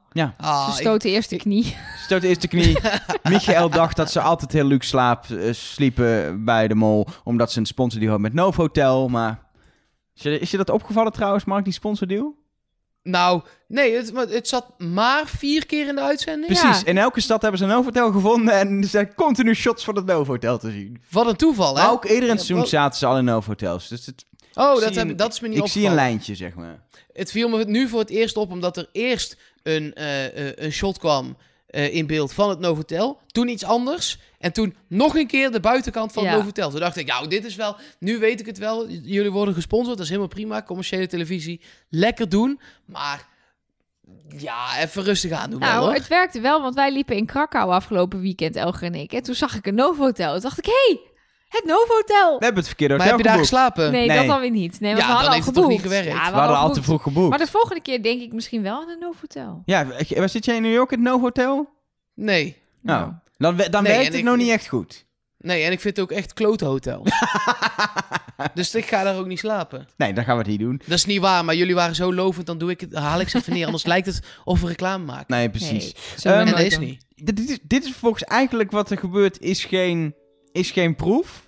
Ehm in Maar is, wel het bespreken waard. Het bespreken waard. ehm, waarbij ik gewoon de open vraag stel. wat is jullie opgevallen bij de dineetjes? Los van hoe in detail op hetzelfde moment de drankjes werden ingeschonken. Het bordjes hetzelfde was. Hoe de echt... Het was Ja, die de, de grootte ook redelijk klopte op het scherm. Waardoor het echt leek alsof ze samen zaten te dineren allemaal. Die mensen in België, die zaten dus aan de kava om 11 uur 's ochtends. Oh, er zit natuurlijk een Ja, tijdverschil. daar zit natuurlijk een tijdsverschilletje tussen. Oh, wat goed. Ah, Dus eh, die, eh, maar, mooi. maar, en ze hadden ook geen honger. Ze moesten wel vier gangen eten. dus dat was Maar wel ik- ik- mooi. Wa- mij is dus helemaal de eerste keer niks opgevallen. Omdat ik dit... eh, eh, ik, ik werk zelf ook als producer en ik vond dit productietechnisch Ja. zo vet dat ik alleen maar daarop heb gelet. Ook eh, dat ze op een gegeven moment heb je dat shot dat ze naast elkaar zitten. Ja. En dat ze elkaar dan Die eh, eh, aankijken. Ja. Ja, ik, het, is, het is helemaal niet moeilijk. Maar het is zo... Ja, de, meestal de hele slimme dingen zijn ook niet zo moeilijk. Kijk maar naar YouTube. Gewoon andere filmpjes van mensen op één plek zetten. Het is... Maar dit was... Van dat niveau vond ik het echt super simpel. Ja. En super briljant tegelijk. Kijk hoe wij nu op afstand twee uur praten over een televisieprogramma. Wat best wel leuk is, maar dat je denkt, kun je er twee over praten op afstand? Nou ja, blijkbaar wel. Het is allemaal niet zo moeilijk. Nee, nee, nee. Maar, om, maar hoe ze dat dan neerzetten. Want ja, eh, met de camera aan de andere kant. En inderdaad die drankjes tegelijk ingeschonken. De gangen die tegelijk kwamen. Een hand die in beeld kwam als er ook een hand van de ober. Ja, Ja, en dat, Dat- ze blijkbaar hetzelfde servies hadden. Want daar maakte iemand nog een opmerking over. Van, Ja. hé, je hebt gewoon hetzelfde bord als ik daar staan. Dat is toch, ja, fantastisch. Kijk, het is tv, dus ongetwijfeld dat er af en toe dingen over zijn gemoeten. Maar die illusie moet je heel even voor jezelf wegnemen. Ja. En hoe dit allemaal gecued is, dus hoe dit zeg maar... eh, ja, iemand moet op een gegeven moment tegen allebei tegelijk zeggen... Nu. Nu. Ja. Ja. En dat dat dan elke keer lukt, ja, dat is wel echt stijf penismateriaal. Stijve penismateriaal. Dank Mark Versteden. Jezus. Zal ik hem in de titel van de aflevering opnemen? Ja hoor, dat is goed. Oké, top. Gaan we dat doen. Ga je serieus Nee, stijve tuurlijk niet. Ik ga penis in de tuurlijk, titel tuurlijk niet. zetten? Dan wordt die Oh. podcast offline gehaald. Ja, precies. Oké. Dan komt hij niet bij Apple. Bij Apple staan we namelijk niet dat we eh eh apparently Oh ja, niet- advisory hebben, zeg maar. Dus als ik stijve penis in de titel zet, dan heb, sowieso dat we het noemen mag eigenlijk al niet van Oh. Apple. Dus laat Oh, staan. excuus. eh, Oké, mag ik, eh, mag ik eh, zeggen wat me is opgevallen? ja, dat graag. Want Want, er jij bent me- iemand die hier drie keer naar kijkt, vier keer terugspoelt, elke opmerking die wordt gezegd eh Nou ja, ontleedt. laat ik eerst zeggen, ik heb nog nooit van mijn leven iemand zo blij gezien met een gevulde koek. dat vond ik zo aandoenlijk. Dat betekent waarschijnlijk iets voor Axel en Marie, maar het was zo schattig. Dat Ik- hij Ja, want hij wist het ook, hè? Hij wist Ja, het ook. hij, hij Ja, maar- dacht eerst dat het een zakje, zakje currypasta was, Ik, maar... Wat ik dus denk dat het is, is dat als Axel, als hij weer naar het buitenland is gevlogen en dan, dan ben je een paar dagen van huis, je slaapt daar en dan vlieg je weer terug. Komt hij na vier, vijf dagen vliegen, komt hij thuis. En dan heeft zijn vrouw op zo'n bordje, zie ik er helemaal voor me, op de salontafel voor Axel met koeken. jetlag, een gevulde koek, omdat hij weer lekker thuis is. Dat denk ik. Zoiets, ja, en dan zoiets is dat natuurlijk, zijn. dan is dat echt een ding, zo'n gevulde koek. Ja, en dan het Maar ik vond tegenover... het, Ja? ja, nee, ik vond het verhaal van, van Bruno Ja. misschien nog wel romantischer. Hij kreeg eh, een envelop met daarin een supermooi bordje met een prachtige tekst. En hij wist ja, meteen ook waar het... eh, oh nee, Ja, hij had dat echt was echt- geen idee dat dat bordje al tien jaar in zijn A huis stond. true love story never ends. Oké, dat had zijn vrouw blijkbaar tien jaar Die geleden bij de blik- gekocht. Die, die en... blik van zijn vrouw. Oh, oh, Bruno toch. Oh. En, ik, en ik dacht dus echt dat dat soort lelijke bordjes in huis zetten, dat het iets is waar wij als Nederlanders ons voor moeten schamen. Maar ik ben heel blij dat het in België ook gewoon gebeurt. Nou, jij hebt, Ik wist niet nog, dat ze daar Xenos hadden. jij hebt laatst nog in een Vlaams huis ge, ge, ge- gelogeerd, Elger. ja. Dat hing helemaal vol met dit soort bordjes. dat is waar. Afgelopen Ja. zomer hebben wij met wat vrienden in een, eh, in een huisje, inderdaad zo'n Airbnb in België. Dat ging helemaal vol met eh, precies dit, eigenlijk. Dus Ik weet nog precies house- wat er hangt. In this house we don't fight. We love each other. Bla, Eh, bla, eh, bla. eh, eh, We poetsen onze tanden voor het slapen gaan.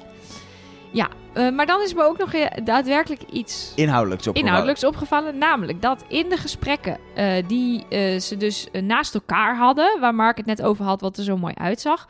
daar werden natuurlijk sowieso opvallende dingen gezegd. Want mensen beweerden daar dat ze wel dan wel niet de mol waren. Maar in het gesprek tussen Julie en Bas is ontzettend geknipt. Dat was echt gewoon zinnetje na zinnetje zat daar een knip in. Ja? Ja, dat viel me echt op. Dus wat, misschien zijn daar dingen gezegd die niet gezegd mogen worden. Of eh, kwamen ze gewoon niet goed uit hun woorden. Ik weet niet. Maar het, haar conclusie in dat gesprekje was dat Bas het niet was. En dat ze zei dat Bas eh, eh, wel eh, normaal deed, volgens mij. Dat het ni- niks aan Bas opviel. En dat hij niet echt een leugenaar was. En nee, dat ze dacht dat hij niet was. Maar ja, wat dat dan betekent, misschien... Ik denk niet dat, dat daar... Trouwens, het is vaker zo dat deze mensen echt niet weten dat hun partner Nee, de mol is. Dus dat hoeft niet te betekenen dat een van die mensen die daar zat... ook daadwerkelijk weet wie de mol is. Het kan, maar het hoeft niet. De kans op dat moment is, eh, is zelfs op dit moment eh, nul. Omdat eh, de enige die het zou kunnen weten is de partner van Elisabeth. Want ehm, van alle andere Oh ja. partners wisten ze tot op het moment dat ze Nee. gingen niet dat ze het waren. Daar Nee. heb je En natuurlijk ze hebben, een heel geen, goed ze hebben geen contact. Nee, daar heb je natuurlijk een briljant punt. Ja, nee, je hebt helemaal gelijk. Dus, eh, nou ja... Nou, nou ja, en Elisabeth vertelde dus ook aan Michael dat ze de mol was. Ja. Ja, Nogal stellig. en, het zou, ja die, en die hebben daarna in een hotelkamer nog wel geslapen. Dus het zou kunnen dat hij het zeg maar op, vanaf dat moment weet dat ze het even heeft gezegd. maar hij was eh, wel, wel of even van slag door haar opmerking. Hij wist even niet of hij er moest Nee. geloven of niet. Dus dat vond ik wel... eh, hij zei, ja, ik kan je toch nog niet zo goed lezen. Op, opvallend bijvoorbeeld dat, dat Axel juist heel ontwijkend zegt dat hij het niet, dat hij het niet kan zeggen. Ja, en daar zei jij vorig jaar bij Sinan van, dan ben je niet de mol. Nee, maar dat denk ik ook. Ja. Dat, vind ik niet, dat vind ik niet molgedrag. Oh, maar hoe is het in je tunnel dan? Ja, eh, weet ik niet, dat vuur gaat langzaam uit. Zijn er nog gevulde koeken of eh versterk je Gelukkig van de wel, een honger? hele voorraad. Kartonnen dozen vol gevulde koeken, kun je met een karretje doorheen rijden. Wat hoor ik nou even gaan toeten bij jou? Nee, het is gewoon heel druk. Ik woon, ik, ik woon, was het maar waar. We willen. Maar ik, ik zit echt midden in het centrum hier. Ja, eh, Ik zit op een kilometer van Times Square. Nou, het, het is hier gewoon heel druk. Ja dat, dat, het bijna net zo druk als daar in Hanoi met die, met die brommetjes, zeg maar. Bijna, bijna. Ehm, wat, ik, wat ik nog wel opvallend vond was dat we ook nog Dit in, is trouwens de stoomboot van Sinterklaas was dat. in Amerika. Bijzonder. Ehm, ja, die pa- dat paard heet toch Americo? Wat? Nee, ja, maar ik moest lachen om mij. Dat is ook voor het eerst. Dus, ehm, ehm, dat we in het eerdere gesprek eh, Kaat horen bekennen eh, tegen haar eh, broer dat ze echt niet weet wie de mol is, omdat elke keer haar verdachte naar huis gaat. Mhm. Leuke informatie. Ehm, en in het hele gesprek wat ze met een partner naast elkaar zeg maar, hebben, zegt de vrouw van Jury dat Jury zo gestrest is. Terwijl, ja, dan, zij kent hem beter. Want ik vind Jury continu zo relaxed en gewoon bijna genietend overkomen in dit hele spel. Ja, maar dit was dus het punt, dat gaf ze aan in het interview. Daarmee bedoelde zij dat hij dus de hele tijd ehm, niet kon ontspannen bij het diner. Omdat hij dacht dat hij daar vragen over ging krijgen. En Oh. hij ging dus het eten vergelijken en bestuderen wat voor eten ze kregen en zo. Dus dat oh, dat hij gewoon dat tijdens dat diner niet kon ontspannen. Ah. En verder zegt ze, zegt ze wel in het interview ook dat Yuri op tv precies is zoals hij thuis is. Oh ja, dat lijkt zeggen, mij als ook hij, wel. Ja, als hij thuis nog relaxter is, Ja, dan doet hij geen dan flikker. doet hij niks. nee, dan ligt hij op de bank. Dan was het dat wel. Ja, nee, dus, dus ik denk dat het daar voornamelijk om ging. eh, om, om die stress. Dat hij dat gewoon altijd aanstaat voor dat spel. Of toch de mol is, het kan. Het Ja. kan. Dan gaan we door naar de eliminatietest. De eliminatietest. Ja, zo heet hij toch? De eliminatietest? Hij Is dat niet, de, is niet de- de- Zo- gewoon de ze hem. eliminatie? Nee, ze noemen het de eliminatietest toch in België? Huh? Formeel. In ieder geval Ik de heb test. geen idee. Waarbij we een extra kandidaat hebben die hem, eh, die hem mag maken. Eh Michael die mag, hem, eh, die mag hem ook maken. Ehm, Als je niet de mol bent, dan is dat toch... Dan is dit is toch de, de fijnste hulp die je Ja, kunt krijgen. dit, is, dit is goud, want Elisabeth zit waarschijnlijk nog... Ze zei ook dat ze nog ging spreiden, dus ze zit nog op twee kandidaten. Heeft gewoon zelf gespreid op die twee kandidaten om zeker te zijn. Heeft eigenlijk denk ik haar minst zekere... Haar nummer 1 gehouden, maar de, de minst zekere heeft ze Michael laten invullen. En weet dankzij het rode scherm dat die het niet is. En Nee, maar waarschijnlijk... zij heeft ze allebei gehouden. Zij is nog steeds gaan spreiden. Ja, zij is nog Ja, steeds gaan ja, ja. spreiden. Maar vanaf nu, als ze inderdaad twee had, waar ik even van uitga, want in deze fase heb Ja, nog zo, wat- dan heeft ze nu nog heeft ze nu over. de, de, de pad voort naar de finale. Of ze zit echt fout, dat kan nog. Maar dan vliegt ze de volgende week uit omdat ze vol op de verkeerde zit. Maar ik had hier wel discussie over met mensen die zeiden... ja, maar je weet helemaal niet... eh, kijk, als zij daadwerkelijk zo weinig contact met elkaar hebben gehad als we nu zagen... dan kan, had, heeft zij niet bij Michael kunnen checken... wist jij de antwoorden op de vragen? Dus kan die ook gewoon per ongeluk alles fout hebben ingevuld... En dan zegt dat rode scherm niks. Dan heeft hij gewoon alles fout. Maar aan de andere kant denk ik, ja, als jij een uur hebt om te studeren. Op 20 vragen, die soms ook gewoon zijn: welke opdracht deed de mol? Mozaïek, social media of brommerijen? Ja, Dat onthoud je wel. Volgens mij is het ook een slimme man. Dus, dus dan, en dan krijgt hij een rood scherm. Dan is er dus niemand anders. Want Bruno zat ook op één persoon. En die kreeg dus het tweede rode scherm. Eh, dus, dus dan heeft hij dus wel echt alles of echt bijna alles fout ingevuld. Ja, dan heb je echt wel informatie hoor. Ja, ik, Ik, ik, zou daarop va- op durven ik denk varen. dat Elisabeth nu gewoon vol op één iemand kan gaan. Als zij volgende week eruit vliegt, dan zat ze op twee verkeerkandidaten en is die andere ook fout. Gaat ze volgende week door, dan is ze echt hard op weg naar de finale volgens Ja, mij. of ze Maar ze dus zijn nog mol. maar met vijf. Oh hè? ja, ze kan ook Ja, de nee, zijn. Dat zou ook kunnen. Maar je, eh, stel, ze is wel gewoon een kandidaat. Je bent nog met vijven over nu. Mhm. Eh, als je daarvan eh, op twee verkeerde zat en jij bent het zelf niet. Op dat moment waren er nog zes. Maar dan, dan, Ja. ja, dan, is, ook, dan is dit ook wel het moment om naar huis te gaan. Zeg ja, maar. want dan zit je dus wel echt fout. Al. ja, dan zit je best wel echt lang. fout. Hebben jullie nog Ja. iets, iets gehoord in wie wie verdenkt? Of hebben we daar nog meer uit kunnen halen? Volgens mij is het Jury op Elisabeth. Nou ja, en toen dat idee had ik ook. En ehm, toen bedacht ik me, eh, volgens mij zag ik dit ook eh, bij het verdelen van de groepjes bij de opdracht. Want Jury nam nergens het initiatief, maar wilde volgens mij bij Elisabeth in de buurt zijn. En wachtte daarom net zo lang tot, tot hij uiteindelijk bij Elisabeth kwam. En ik heb maar dus ja, dat ook... is mijn invulling van, van blikken en dingen die niet gezegd worden. Dat is altijd eh ik, lastig. ik heb dus ook wel vermoeden, Bruno is heel duidelijk gaf aan één iemand op wie Bruno zat. Jury. Bruno zat op Jury, dat weet ik 100% zeker. Weet je dat 100% dat zeker? weet ik bijna 100% zeker. Ik heb dus... Dat zou ik niet per se heel fijn Ik- vinden. Nee, dat dacht ik al, maar... ik eh, heb namelijk vermoeden dat hij op Axel zat. Hmm. Omdat, Ja, hij- omdat hij elke keer in een groepje met Axel zat. nou ja, ik, ik pak heel veel mijn molboekjes bij. Maar vorige week, in de vorige aflevering, heeft hij namelijk gezegd... Dat, dat, dat, dat, waar staat het? Dat hij, hij zei toen in een bijzin, eh, niet bij de test, maar daarvoor, tussen de tweede en de derde proef, zei Bruno... Mijn verdachten, Eva en Juri, doen bla bla bla bla. Toen ging Eva eruit. Dus toen dacht ik, dan zit hij nog op Juri. Dan zit hij op Jury. Of hij is nog gezit, Nou, maar lijkt me niet. En Tot zover en wat ik- mijn molactie wat ik wel raar vind daar... Maar dan zat... Dan Dag zat Mark, dan zat- nog in New York. Maar dan, Ja, het is Bruno en Axel zaten zo vaak samen dat één van de twee op elkaar zit. Dan zat Axel op Bruno of is Axel een mol. En Ja, met het idee dat Axel op Bruno zit, hadden we vorige week ook al met dat kompas, Ja. toch? Ja, dus... Nou ja, en wat ik ook wel raar vind, is dat Bruno beweert dat hij, hij heeft gegokt. Vroeg, Sjoe, heb je gegokt? Hij zo, nee, ik heb niet gegokt. Ik heb gewoon niet, goed, niet genoeg vragen goed beantwoord.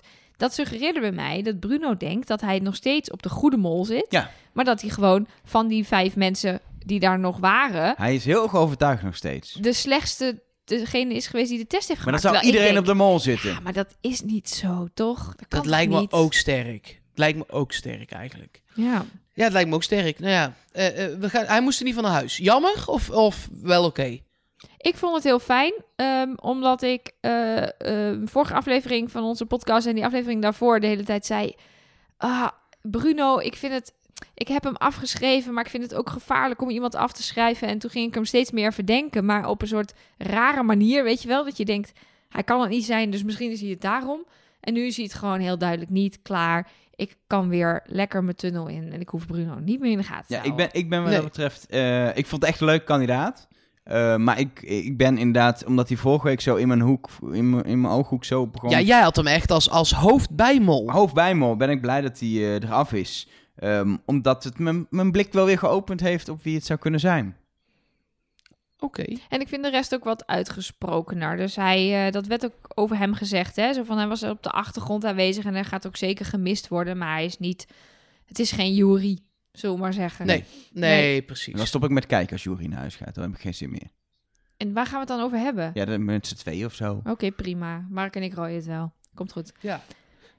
Eh, zal ik vast de hostrol overnemen nu? Probeer het eens. Om te oefenen. Ja, Ehm, wat zit er ook weer altijd na het bespreken van Jij wil naar? Amerika, toch?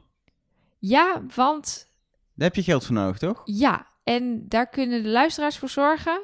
Nee, dat vind ik lullig. Die gaan ons niet betalen om... om Nee, voor tuurlijk, je ons gaat om hem niet naar- betalen om naar Amerika te gaan, nee. Nee, maar wel voor extra content. Woep, woep. Mark, pak hem maar op. oh, dat moet je niet hardop zeggen als je host bent. hè? Nee. Dan moet je gewoon... Oké, veel ik, bet- maar ik, ik, eerlijk is eerlijk, ik was je ook een beetje aan het laten zwemmen. Ik dacht, ik wacht dit gewoon eens even af, Ja. kijken wat er gebeurt. Eh, ik, ik kijk nu veel betekenend naar jou, Mark. Dat betekent dat je het nu over moet nemen. moet erin blijven, dat is wel de conclusie. Ja, want we moeten het even hebben over, eh, over Patreon. Dat is een platform waarmee je ons met onze podcast kunt steunen. Ehm, kijk, we- we vinden het al fantastisch dat er zoveel mensen luisteren. Ook weer naar deze variant, de Vlaamse Mol. Eh, Dat er zoveel mensen daar alweer aan het luisteren zijn, dat is echt, ja, dat, dat- bijna geen woorden voor. Maar er is meer. Er is meer content. Er, er, is, er zijn goodies. En die kun je krijgen. eh, maar dat is dan wel tegen een kleine financiële steun. Die je elke maand kunt aan- en uitzetten zoals je het helemaal zelf wil. Patreon.com slash trustnobody. Daar kun je daar alles over vinden.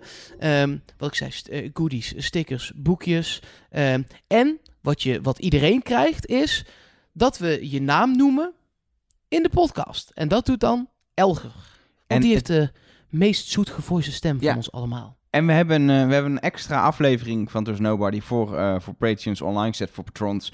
Eh, interview met, met Giel van Bouwel, mol uit seizoen 4. Echt een heel leuk gesprek wat je, als je nu nog Patreon zou worden, of patron moet ik zeggen. Hè? Als je nog patron zou worden, dan kun je dat ook gewoon, eh, gewoon nog beluisteren. Dus niet zo dat het weg is of zo. Zelfs alle eerdere extra afleveringen ook beluisteren. En heel veel mensen vinden dat blijkbaar leuk, want we hebben een lijst nieuwe mensen. Ehm, ja, er zijn mensen die vinden altijd dat dit te lang duurt. Dus dan moet je vooral even skippen, want ik ga heel veel namen opnoemen. Beginnen volgens mij is dit alleen leuk als je er zelf tussen Ja, staat. daarom. Maar ja, het is toch leuk om een keer genoemd te worden. Tuurlijk. Amber van der K, Henrike, Martin Bruining, Eline Huismans, Joran, Andy, Tessa van Luggenen, Sanne, Anne de Groot, Joelle Post, Bart Ros, Niels van Steenhoven, Fenji, Dam Honey. Dat is volgens mij een andere Hey, podcast. Ja, de meiden probeer- van Damn Honey, de Die proberen podcast. gewoon even reclame te maken op deze manier. Nice. Prima, luister Nou, Dam dat is Honey. gelukt. Zijn podcast over vrouwen is leuk. Taco van den Broek, Yvonne Hagen, Karel Tiets, Tietsa, Tietesa, Tieteka, zoiets. Eh, Niels, deze is ook bijzonder. Ik ben nog niet achter wie het is, want het e-mailadres is niet echt veel verhullend. I love Elger.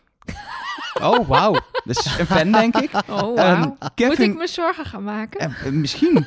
Eh, Kevin, ik weet ook niet wie het is, dus dat is wel jammer. Hmm. Kevin Soete, Daan van Kats, Charissa of Charissa van Duin, Jonas van der Vloed, Harry, een combinatie van Sander en Marcia de Goede en Kenneth van de Mierhoop. Dat is een lijst, hè? Nou, Dat waren ze. super Nou tof. ja, ik ben nu wel klaar een keer. ja, oké. Nee, heel goed. hey, maar je had het net over stickers, Mark. Ja, Heb je die meegenomen naar New York? ja, nee, zeker, zeker. En dat is wel leuk. Ik heb er eh, vier meegenomen. Eh, Trust Nobody stickers. En ik weet niet zo goed waar, waar ik ze moet plakken. Dus misschien hebben eh, eh, jullie met z'n tweeën, Elger en Nelke, daar wel ideeën over. Op die vlam van het vrijheidsbeeld. En dan misschien haalbare ideeën, dat zou ook wel lekker zijn. Ehm, maar misschien hebben mensen die nu zitten te luisteren daar ook wel ideeën over. Hmm. Laat heel even weten in de comments of bij Patreon of eh, bij, bij iTunes. Als je een, eh, een, een review gaat achterlaten. Vijf sterren als je dan toch bezig bent. Eh, of waar, waar kun je nog meer reageren? Ja, bij onze hotline, Twitter, Facebook. Maakt me eigenlijk niet zoveel uit. Eh, waar moet er een sticker komen te plakken, eh, komen te hangen? Want dan plak ik hem daarop. Hmm. Je moet, je moet een plek zoeken waar die eigenlijk zeg maar, niet in het zicht hangt, maar wel iconisch is. Want dan blijft hij waarschijnlijk ook hangen. Dan wordt hij niet weggehaald. Zodat we kunnen vertellen waar die hangt. En als je dan in New York bent, er komen best wel wat mensen in New York in een jaar, dan kun je de Trust Nobody sticker opzoeken. Hoe leuk is ja, dat? en dan even een fotootje maken en naar ons sturen. Hmm. Nou, ik ben heel benieuwd. Ik heb zelf niet echt een ander idee dan het vrijheidsbeeld, maar ehm, ja, Ik kom hierop luisteraars terug. help ons. Dat is goed. Denk Ja. erover na. Eh, en eh, eh, ja, als je nu dus zit te luisteren, eh, eh, laat het even weten. Misschien zijn er wel van die secret places of, eh, of een, een paaltje op Times Square waar nooit Nou ja, ik komt. weet of- bijvoorbeeld dat in Seattle, was het in Seattle, Elger, dat we daar, daar eindigt Route 66? Nee, Chicago, sorry. Daar begint of eindigt Route 66. En daar is dus zo'n bord waar iedereen die dan die route, die, die weg bestaat inmiddels niet meer, maar je kunt nog wel een oude route rijden. Die mensen die dat doen, die plakken daar een sticker op als start of finish van hun route. Zoiets moet je hebben, want dat is geaccepteerd, dat je daar stickers plakt, dus die worden niet weggehaald. Maar als je dan in Amerika bent en een Trust Nobody sticker moet plakken, dan vind ik dat je even een klein stukje moet rijden naar Oregon.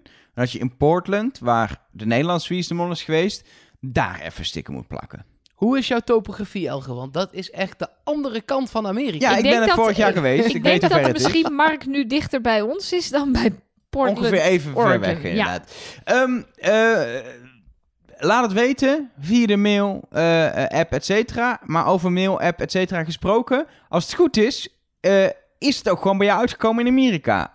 De hele Nee, stapel ja, ze hebben, ze hebben hier gewoon e-mail. Je zou het niet geloven, maar Ongelooflijk. e-mail bestaat gewoon. Ja. Wauw. Eh, en ook de, de hotline heb ik een tijdje gehad, omdat jullie naar Krakau waren. Dus dat he- heb ik allemaal mee kunnen nemen. nice. Ehm, ehm, maar zullen we eerst gewoon, want we, we hebben die hotline, dat is het nummer dat je krijgt als je eh, bij bepaalde tiers, zoals dat dan op Patreon heet, lid wordt eh, daarvan. ehm, wat audio-appjes luisteren. Ja. ja, dat lijkt me een goed idee. En die komen dan wel weer uit Nederland. Ja, zeker. Die komen, komen inderdaad eh, gewoon uit Nederland. En die hebben we hier eh, wel op onze keukentafel liggen. En we beginnen met eh, Edwin. Ja, hou op hoor. Als ik nu niet die mop te horen krijg.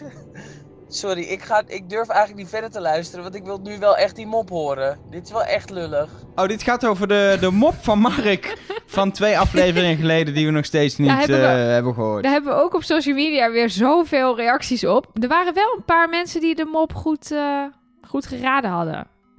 Toch? Klopt. Ja, dit Ja. is namelijk de enige mop die ik ken. Dus iedereen die mij kent, die kent die mop. Ah.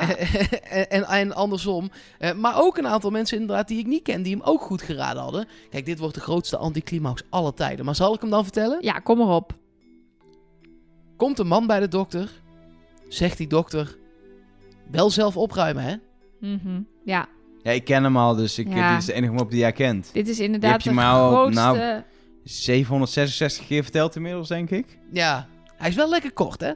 Het is zo fijn dat het nu niet meer boven de markt hangt, zullen we zeggen. Dat we er nu voor eeuwig vanaf zijn en we terug kunnen naar de inhoud van deze podcast. Namelijk verdenkingen, theorieën, aanwijzingen, verdachtmaking, et cetera. En daar is ook over gehebt. Ja, want eh, ook door Edwin, gelukkig. Want die eh, had niet alleen maar eh, een mening over een mop, maar ook ehm, over de mol. Het, wat me het meest opviel is in de uitzending, is dat eigenlijk over de vorige uitzending in de Molbiecht aan het einde ehm, wordt gezegd, ik heb het even teruggezocht, door de Mol, eh, die zegt, eh, ik zet hem hier even aan, Eh, het is allemaal heel spannend, de, de briefing zijn kort. Ja, maar ik kijk, nee, ja, komt bijna. De mol zegt: Het moeilijkste is dat ik al weet dat het bezoek niet gaat komen. Maar er is wel bezoek dat is gekomen.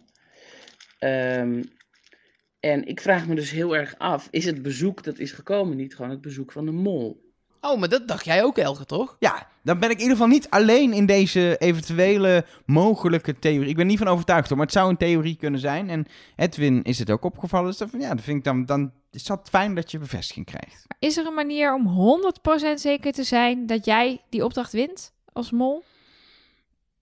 Behalve als er gekloot wordt met, met de bediening. Maar daar ga ik dan even niet van Ja, uit. of met de montage van de aflevering met de moldagboeken. Oh, dat er achteraf het dagboek is opgenomen. Ja. Kijk, het Ja. dagboek van de mol is wel... Ik weet het niet. Het kan zelfs nog gewoon ingesproken zijn door iemand van productie. Het is gewoon in, Shield eh, zelf met een ja. ver- verdraaid stemmetje. Maar ik, ik, ik, ik geloof meestal niet in dat soort dingen, want dat doet een beetje af aan de magie van het programma, zeg maar. Ja. Ja, Zo- dat vind ik ook hoor. Ik, ik wil wel blijven geloven dat dat de mol ook echt is. We zullen het nooit zeker weten. Ja, we nou hebben ja, nog, aan het eind. Ja, Ja.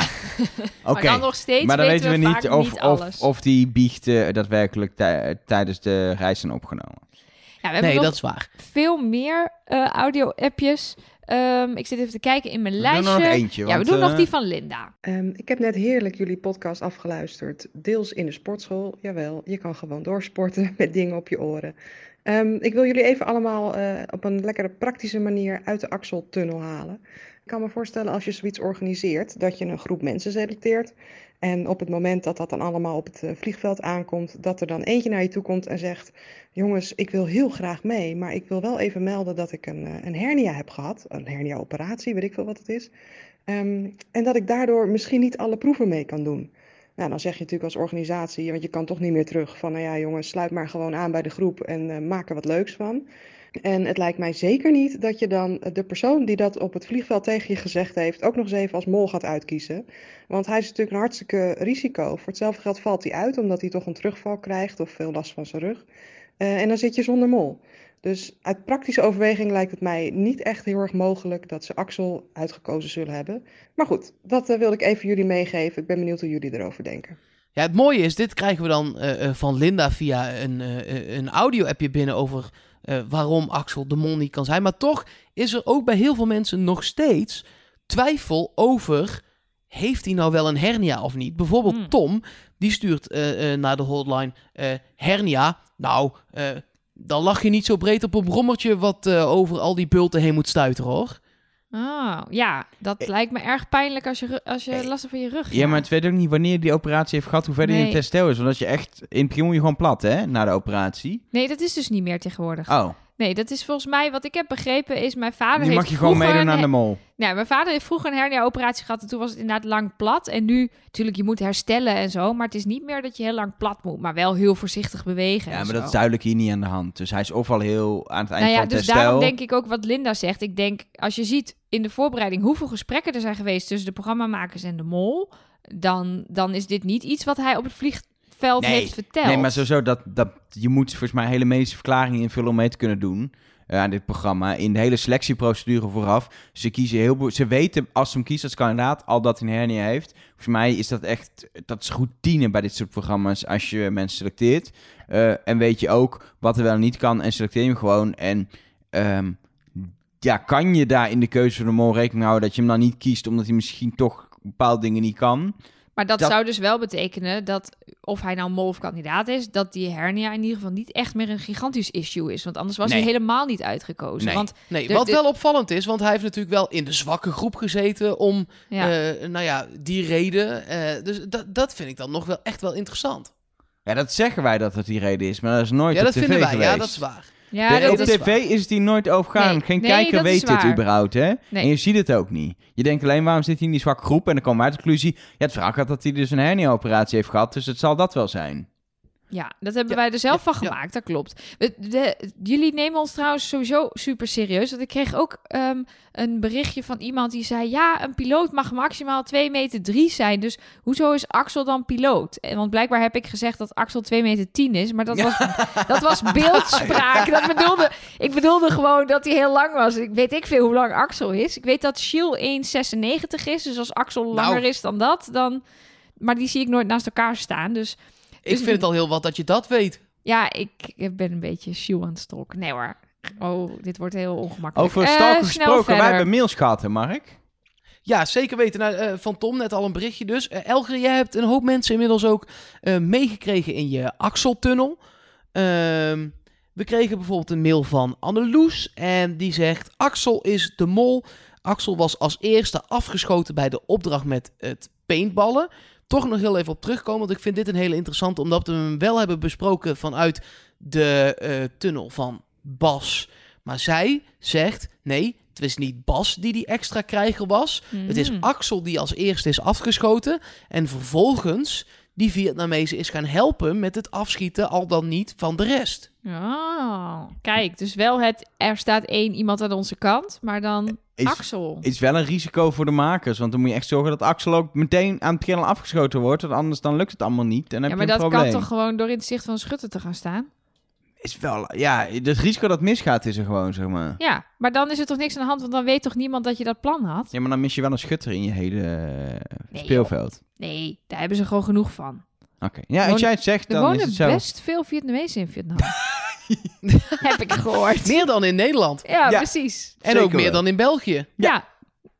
Eh, nog iemand in de, de Axel-tunnel, dat is Lisanne. Zij mailde ons en zij eh, ja, eh, beredeneert dat voornamelijk aan de mensen die tot nu toe zijn afgevallen. Eh, Ingrid viel bijvoorbeeld af na de roeitocht en de nacht met het varken met Axel. Martijn heeft samen met Axel gekookt. Ze hebben samengewerkt in de opdracht bij de boot om de fakkel te bevrijden uit de kist. Eva heeft samen met Axel vissen gevangen en vergeleken en toen vloog ze eruit. Bruno valt af naar de zakmeszoektocht en de brommerroute met Axel. Dus alle mensen die met hem in een proef zitten, die weet hij er blijkbaar van te overtuigen eh, of dat hij wel de mol is of dat hij niet de mol is en dat ze dan dus daarom ook niet meer op hem gaan zitten. Maar eh, Lisanne gaat ervan uit dat hij ze zo om in het ootje probeert te nemen dat, ze denken dat, dat zij denkt dat hij de mol is. Hmm, dus, Dus iedereen die met Axel samenwerkt, denkt... Oeh, Axel zou wel eens de mol kunnen zijn. Nee, Nee, iedereen die met hem eh, samenwerkt denkt... eh Oh, oh, die man kan is het niet zijn. niet. Maar ja, dan Oh, moet ja, je ook ja, nog want- wel op de andere verkeerde mol zitten, hè? Om eruit te vliegen. Ja, maar Lisanne zei toch ook dat eh, zij dat weer koppelt aan die uitspraak eh, ehm, uit het Moldagboek met ik ben een moordenaar en op zoek naar mijn volgende slachtoffer. Dat was volgens mij ook deel van haar, van haar link. Van ja, dit, hij, dat is zijn aanpak. Hij laat iedere keer iemand eh, vertrouwen en dan vervolgens gaat diegene daardoor naar huis. In ieder geval Interessant. een gevulde koek in mijn tunnel bij, bij, eh, met eh, de Axeltunnel voor Lisanne. Nog meer mensen? Ik heb nog gevulde koeken over op zich. Ehm, nou, nog wel meer mensen in de Axeltunnel om. Maar Giel, ehm, die eh, kijkt voor het eerst de, eh, de Vlaamse eh, variant van de mol. Bedankt ons daarvoor. Er zijn nog steeds mensen die ook nu nog inhaken daarbij. Dus dat vind ik wel echt mooi. Als je nog mensen hebt die het niet kijken. ja, je kunt, dit dit is wel, denk ik, de laatste week dat je nog echt in kan haken. Zonder is echt wel een soort van- te worden. of- Ja, precies. En, en om het nog een beetje leuk te vinden, anders moet je echt gaan binge-watchen een hele dag. Nu kun je Lijkt nog zeg maar twee keer een paar uur gaan zitten. Eh, maar Magiel gaat echt op zijn onderbuikgevoel. Ja, daar zijn wij natuurlijk al lang van afgestapt. Maar eigenlijk moet je dat natuurlijk gewoon meenemen ook. En wat zegt zijn onderbuikgevoel? Ook Axel, is de mol. Hmm. Nou, vind, ik- vind ik ook lekker gewoon op onderbuikgevoel gok doen. Ja, dan eh, via Facebook. Roy Engelen, die stuurt in aflevering eh 5 zit Jury nogal te stuntelen met zijn stokjes aan tafel. Terwijl, als je op het eind van aflevering 1 kijkt, kan hij ineens moeiteloos met stokjes eten. Ja, dat klopt. Dat is zeg maar dat diner met die molboekjes, toch? Dat Shield de molboekjes uitdeelt. Dan zitten ze Ja. inderdaad ook met stokjes te eten. En toen kon hij het wel. Ja, hij heeft die toren gebouwd met die stokjes. en oh, daar dat, was hij best wel oh, goed dat in. bedoel je. Ook, hij heeft ook nog die toren gebouwd natuurlijk. Oh ja. Hmm. Hmm. Verdacht. Ja, dat wou ik zeggen. En eh, nee, ja, we hebben nog veel meer binnengekregen, maar we kunnen nou eenmaal niet alles behandelen. Dit Jammer. was het. Ja, doe er nog eentje, Mark. Ik vind het gewoon leuk. Nog eentje? Ja, we doen dit toch met de luisteraars. Dus we zijn zelf al zoveel aan het woord. Ehm, nou, dan moet ik er even eentje kiezen. Je hebt natuurlijk heel veel voorbereid dit. Dan ga ik er weer tussendoor eh, vragen om Nee, meer. dat geeft helemaal niks. Nee, maar we hebben zoveel binnengekregen. Ik kan er eentje aanklikken en dan doen we die ook nog gewoon. Tessa bijvoorbeeld. ehm, die zegt, ik heb net de laatste aflevering teruggekeken. En eh, zij en haar vrouw hebben allebei een tunneltje gevonden. Ze zitten samen in de Kaaptunnel. Nou heeft Tessa nog wel Axel als reservemol. eh, maar haar vrouw Alida, die heeft Bas als reservemol. En ze hebben er ook wel een aantal argumenten voor. Ehm, bijvoorbeeld het, eh, de eten klaarmaak estafette. De mol in de eerste groep. Brommers kieken, Bas en Kaat zaten in het groepje dat beide andere groepjes kunnen beïnvloeden. Ehm, en Axel door zijn gedrag in eerdere afleveringen. Nou ja, ik vind dus ook een van de dingen waarom ik Kaat nog steeds zo verdacht vind, is wel die, die sleutelposities waar Ja. zij steeds staat. Dat is toch wel echt, ja, zeg maar, een manier om te speuren naar de mol is wie staat daar steeds? Wie heeft steeds de touwtjes in handen? En Wie mist alle gedeeld door en halverings en Precies. keer nul bedragen Precies. bij de. Ja. Oh jongens, ik...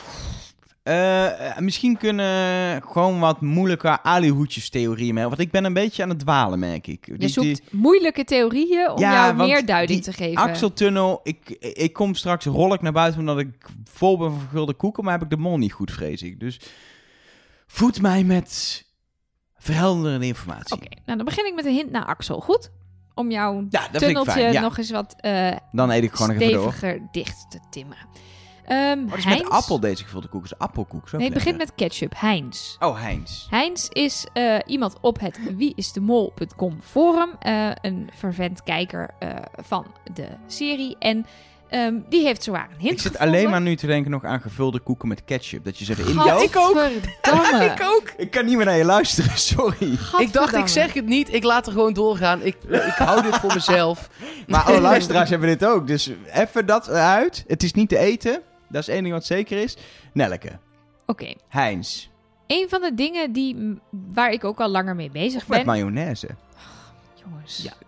Nou, ik zat ook met mosterd, denk ik dat het serieus nog wel gaat. Weet je wat wel lekker is? Met jam. Gevulde koek met jam en slagroom. Dat aten wij vroeger. Maar een gevulde koek met jam is gewoon een appelkoek. Maar dan met Ja. jam. Nee, maar dan echt een gevulde koek. Dan aardbeienjam op en dan een hele lading slagroom. Het is gewoon een taartje. Dan maak je er een taart van, ja. Dan heb je een soort We hadden altijd eierkoeken met dat, met dat ja, ja, recept. ja, dat, dat, dat eh, heb ik ook wel eens op. Maar Oké, ook nu gevulde gaan we echt naar Heinz. Oh ja. Oké, Heinz.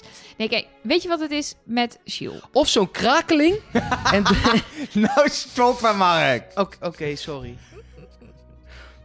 Ga, ga even dadelijk buiten een pretzel halen op straat. Of een gekko. Oké, Of een embryo. Whatever, doe je oké. ding. Sorry. Oké. Jules, die zegt heel veel, want die is een presentator. Maar die zegt soms ook hele rare dingen. Zoals? Bijvoorbeeld, eh, wat mij ooit opviel, is op toerental komen. Is niet echt een hele normale uitdrukking. Ook niet in, het Vlaams? Nee, ook niet in het Vlaams. Ah. Ehm, dus ik zit al langer te kijken ja, of het, het witte konijn onder ons. eh, er is al een paar keer gebeurd dat hij dus inderdaad iets over een konijn zei. En dan verscheen er vervolgens een konijn. Dus ik denk, ja, dat, daar zit iets in. Maar er zijn met mij gelukkig heel veel meer mensen heel erg op aan het letten over wat Jules zegt. Om te kijken of er wat in zit. En Heinz die denkt dat hij iets gevonden heeft. Namelijk in de teksten die vlak voor de eliminatie zitten. Als alle kandidaten daar gespannen zitten, dan eh, vertelt Jules altijd iets. En daarin gebruikt hij dus heel veel woorden die een beetje hetzelfde thema hebben. Eh, In aflevering 2 zegt hij rustig. In aflevering 3 snel. In aflevering 4 toerental. In aflevering 5 harder. In aflevering 6 versnelling. En ja, wat betekent dat dan precies? Nou, Heinz stelt voor dat dat allemaal te maken heeft met accelereren. Wauw. Oh, Mhm. Wauw. Gewoon wauw? wauw. Ik vind de conclusie nog een beetje... Ja, accelereren schrijf je natuurlijk niet met een x, maar nou, er zit wel wat in. Ik weet het niet. Ja. Ik, ga het, ik hoop Nou, dat deze, die... is wel, deze zit wel zeg maar precies binnen dat kader van gek genoeg Ja, en te gek. Zeg maar als in dat, dat, dat zo gek wordt het niet. ja Daar- precies. Daar valt hij wel Daar tussen. valt hij wel in. Dus, ik ben, dus we moeten gaan opletten. Volgende aflevering. Wat zegt Jules tegen de kandidaten voordat hij begint met het invoeren van de namen? En zit daar iets in wat te maken heeft met accelereren? Gas geven bijvoorbeeld. Ja, Heinz die heeft zelf nog wel een suggestie, dus we moeten goed gaan opletten. Maar hij stelt zelf voor dat Jules eh, zondag zal verklaren dat ze al heel lang fijn met elkaar optrekken. De Oh, dat is nog, kandidaten. als zou- dat hem is, dan, eh, dan ben ik overtuigd van deze theorie. Ja, dus eh, nou, dat is, eh, dat is eh, nummertje één. Is het toch Axel, hè? Nummertje twee eh, is bij ons eh, van meerdere kanten opgestuurd. Namelijk, ehm, de gaming hall café ding waar ze zaten in proef 1 heette Clark Station. Stond ook heel mooi op de gevel, werd ook mooi gefilmd. Maar binnen... Dat zei uh, Gilles ook gewoon, Ja, welkom in Gilles. Clark Station. Precies. Maar binnen staat Jules voor een poster en daar staat op Klakker Station. Dus de K staat op de verkeerde plek. Dus mensen zeiden, ja, betekent dat iets? Misschien de K is, is verplaatst. Van Kaat. de K van Kaat wellicht. Nou, toen ben ik even gaan kijken. Toen viel mij in de aflevering al op dat eh, er meerdere posters hangen waarop dat zo is. Er staan allemaal posters van game eh, eh, personages, denk ik. In ieder geval een dat soort superhelden. Game, game posters Ja, hangen. en, en op elke poster staat het verkeerd gespeld. Maar toen dacht ik nog wel, nou ja, het is een poster. Dus die kun je heel makkelijk ophangen. Dan laat je er gewoon vijf van drukken en die hang je op. Het is niet het bord boven de gevel. Maar toen ben ik op de Facebookpagina gaan kijken van Clark Station. En daar staat ook op iedere foto die daar gemaakt is, staan die posters met de verkeerde spelling erop. Dus ik denk Het eigenlijk is een bewust dat het-. Nee, ik denk dat ze gewoon niet kunnen spellen. Maar je Maar- ziet toch dat het anders is dan het hoort? Ook al kan je die hele taal en letters niet zien, je toch dat het niet klopt? Nou ja, ik ben borden tegengekomen in het buitenland waarvan Ja, ik denk, je ziet toch dat dit niet klopt. Maar nee. Ja, Dus en, is eh, niks. maar zou jij het, zou jij het bij eh, eh, Chinese eh, tekens zien als het net even afwijkt? Ik niet. Nee, daarom. Nee, maar dit is, zijn 26 eh, tekens die je maar hebt. Ja, wat is dat nou voor onzin? Als je ze niet Ja. kent, dan herken je ze Dan niet. wordt het heel lastig. Je hebt ook van die Chinezen altijd die gewoon translation error laten staan in de naam. Dus op zich. Precies. Ja, misschien was wel een gimmick van de, van de gamehall zelf. Dat, dat Hey, denk maar, ik eigenlijk eh, eerder. Maar Mark, ik heb, dit was een kaat-hint, hiervoor een Axel-hint. Ik heb voor jou ook een Jury-hint. Oh, gelukkig. Want ik ben, tot nu toe is, is iedere grond onder mijn voeten weggemaaid. Ja, nee, ik heb, eh, ik heb op eh, Reddit heb ik een hint naar Jury gevonden. Ehm, dat eh, eh, werd ons getipt door Wouter. Eh, en degene op Reddit die dit heeft bedacht heet Better Call Wexler. Het zal vast een verwijzing zijn naar, iets Nou, wat ik Better niet Call ken. Saul, lijkt me. Oh ja, en dan heet hij Wexler. Nou, weet ik veel. Geen idee. Weet, weet ik. Hoor mij nou. Weet ik veel. Weet jij veel? En hij schrijft dus eh, op Reddit dat eh, tijdens het diner, waarbij de kandidaten tegenover die videoschermen zit, eh, daar hoor je het nummer Forest Lawn. Dat zit daaronder. Ehm, en hij heeft gekeken naar de lyrics van dat nummer, naar de songtekst, en die viel nogal op, want daar staat, eh, daar wordt in gezongen: Since you went underground, I've wanted to track you down. Since you went underground, I've wanted to dig you out. Nou, dat is natuurlijk een mooie molverwijzing. Ik wil je, on, ik wil je ontmaskeren eh, en je zit onder de grond. Eh, maar daarna volgt in de lyrics de tekst: You used to sing with a straight face, my heart will go on. Oh.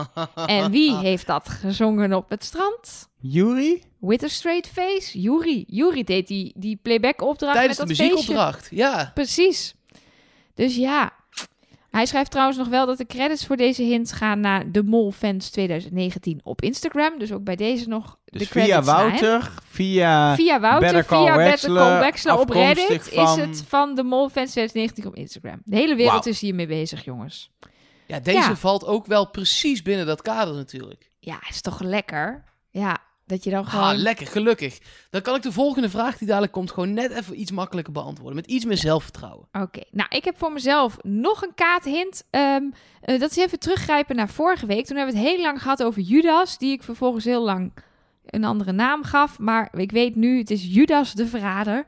Ehm, en we hebben toen heel lang gehad over dat schilderij wat daar hangt. Daar zit een man rechts voor met een geel gewaad en dat is Judas. En hoe kun je dat dan puzzelen op die tafel met Mr. en Mrs. Wang? En toen kwamen we daar niet uit, want als je het van links benadert was het Axel.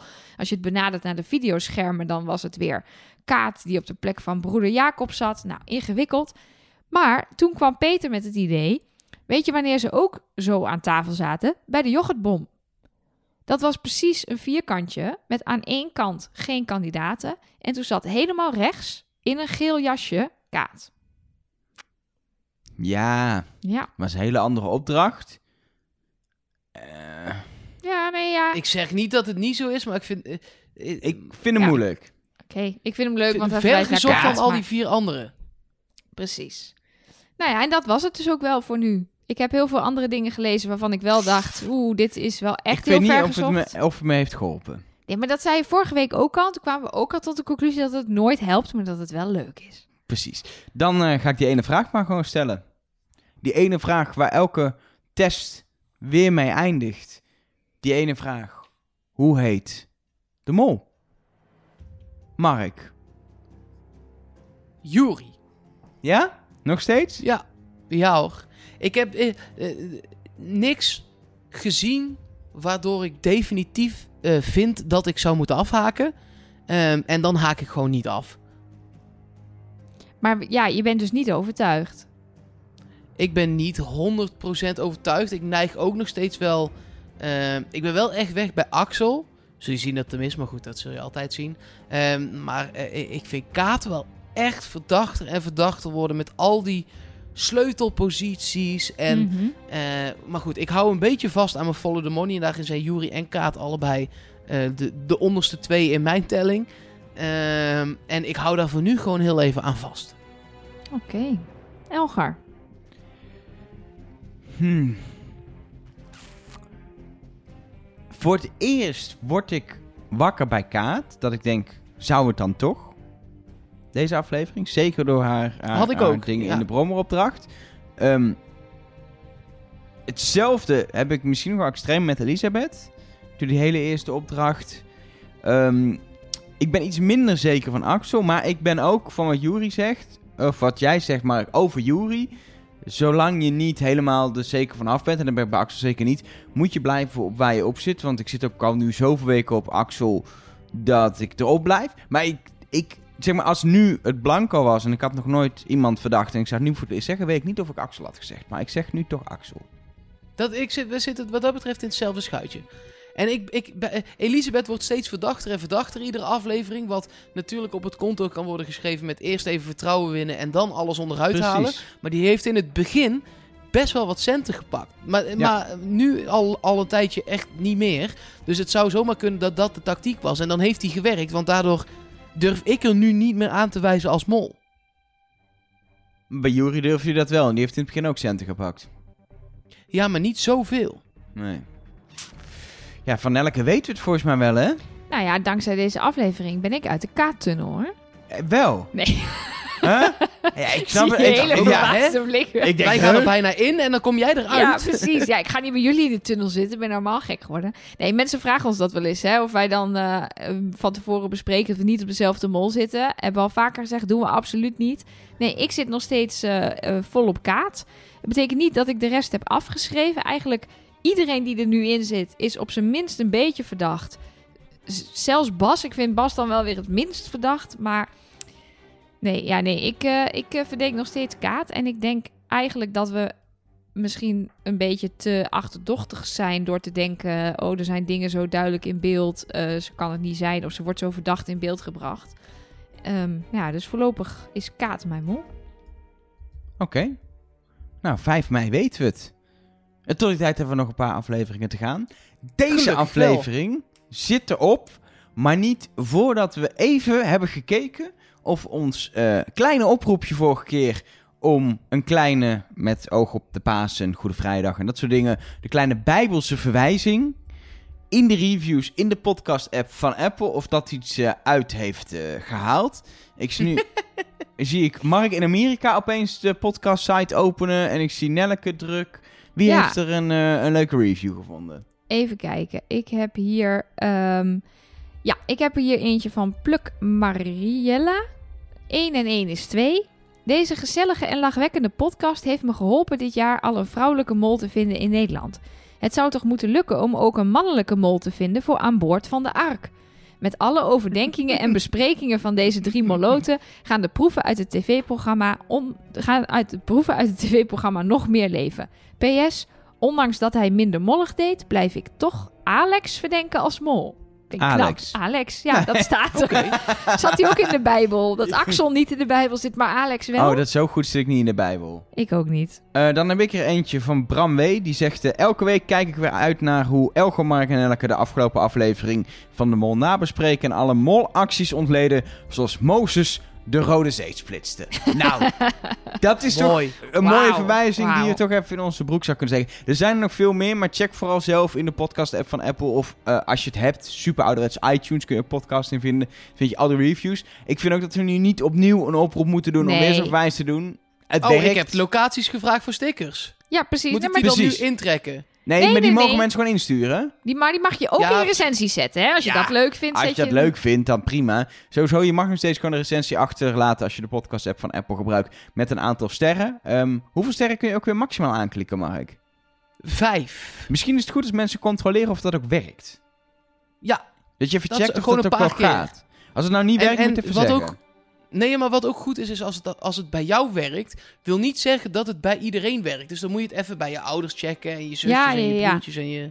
En ook even, Ja, kijk, als het op een Apple-telefoon werkt, werkt het misschien op een Android iets, iets anders. Dus kan je beter Daar heb je geen checken. Apple podcast-app. Oh ja, shit. Dus dat is lastig. Maar dan heb je wel iTunes. iTunes op je Mac. iTunes.com werkt overal. Precies. In ieder geval, bedankt voor het luisteren voor nu. Volgende week zijn we... Ben jij dan... Waar ben jij volgende week? Ik zit precies hier nog. Oh, je blijft gewoon zitten de komende week. Ja, zeker. Een week lang ben je in New York, zit jij gewoon met een uitzicht op de 34e verdieping. Ja. Nou, geniet ja, ervan. Dat ga ik nog eens even volhouden. Dus ik spreek jullie dan weer vanaf hier. Nou, Ja, gezellig. Ik heb er zin in. tot volgende week. Trust. Ik kan niet meer fluisteren. Ik weet, ik weet niet meer hoe Ik- het Ik wist niet dat jij het altijd schreeuwde. Ik wil, ik wil ooit de uncut versie voor patrons online zetten. Dat we gewoon de hele opname gewoon integraal Maar dit online zetten. we Deze, deze moet je laten in? zitten. Ja, deze is Deze leuk. is leuk. Oké, ik ga het nog een keer proberen, jongens. Maar er gaat zoveel mis altijd. Ik denk dat wij per, per ding wel... Nou, hoeveel haal je eruit? Jij edit elke 10 minuten? Ja, het verschilt wel echt. Soms is drie minuten uit deze gaat volgens mij een kwartier eruit ongeveer. Ja. Ja, maar dat komt ook omdat Mark even ondertussen naar de wc moest en dingen en kabeltjes. en... Nee, oké. Dit was het einde, jongens. Ik Ja, doe ga- jij als proefhost even Dat ook de afsluiting anders. Ja, nou, tot volgende week. Nou, dat kun je wel. Ik had toch wel tot volgende week zeggen? Oh, Ik kijk niet. je me heel boos aan. Oké, jongens. Zie je? Gaat mis. Oké. Zal ik maar gewoon Het liedje is al lang afgelopen op de achtergrond. Het is echt tijd om gewoon te stoppen nu. Ik ga nu. Trust Nobody. Boterkoek met slagroom, dat is ook lekker, hè? Boterkoek met slagroom. Oh, lekker man. Ja, dat is echt heel lekker. Boterkoek met slagroom, oh oh. Oh. Boterkoek met slagroom. Slagroom, oh oh.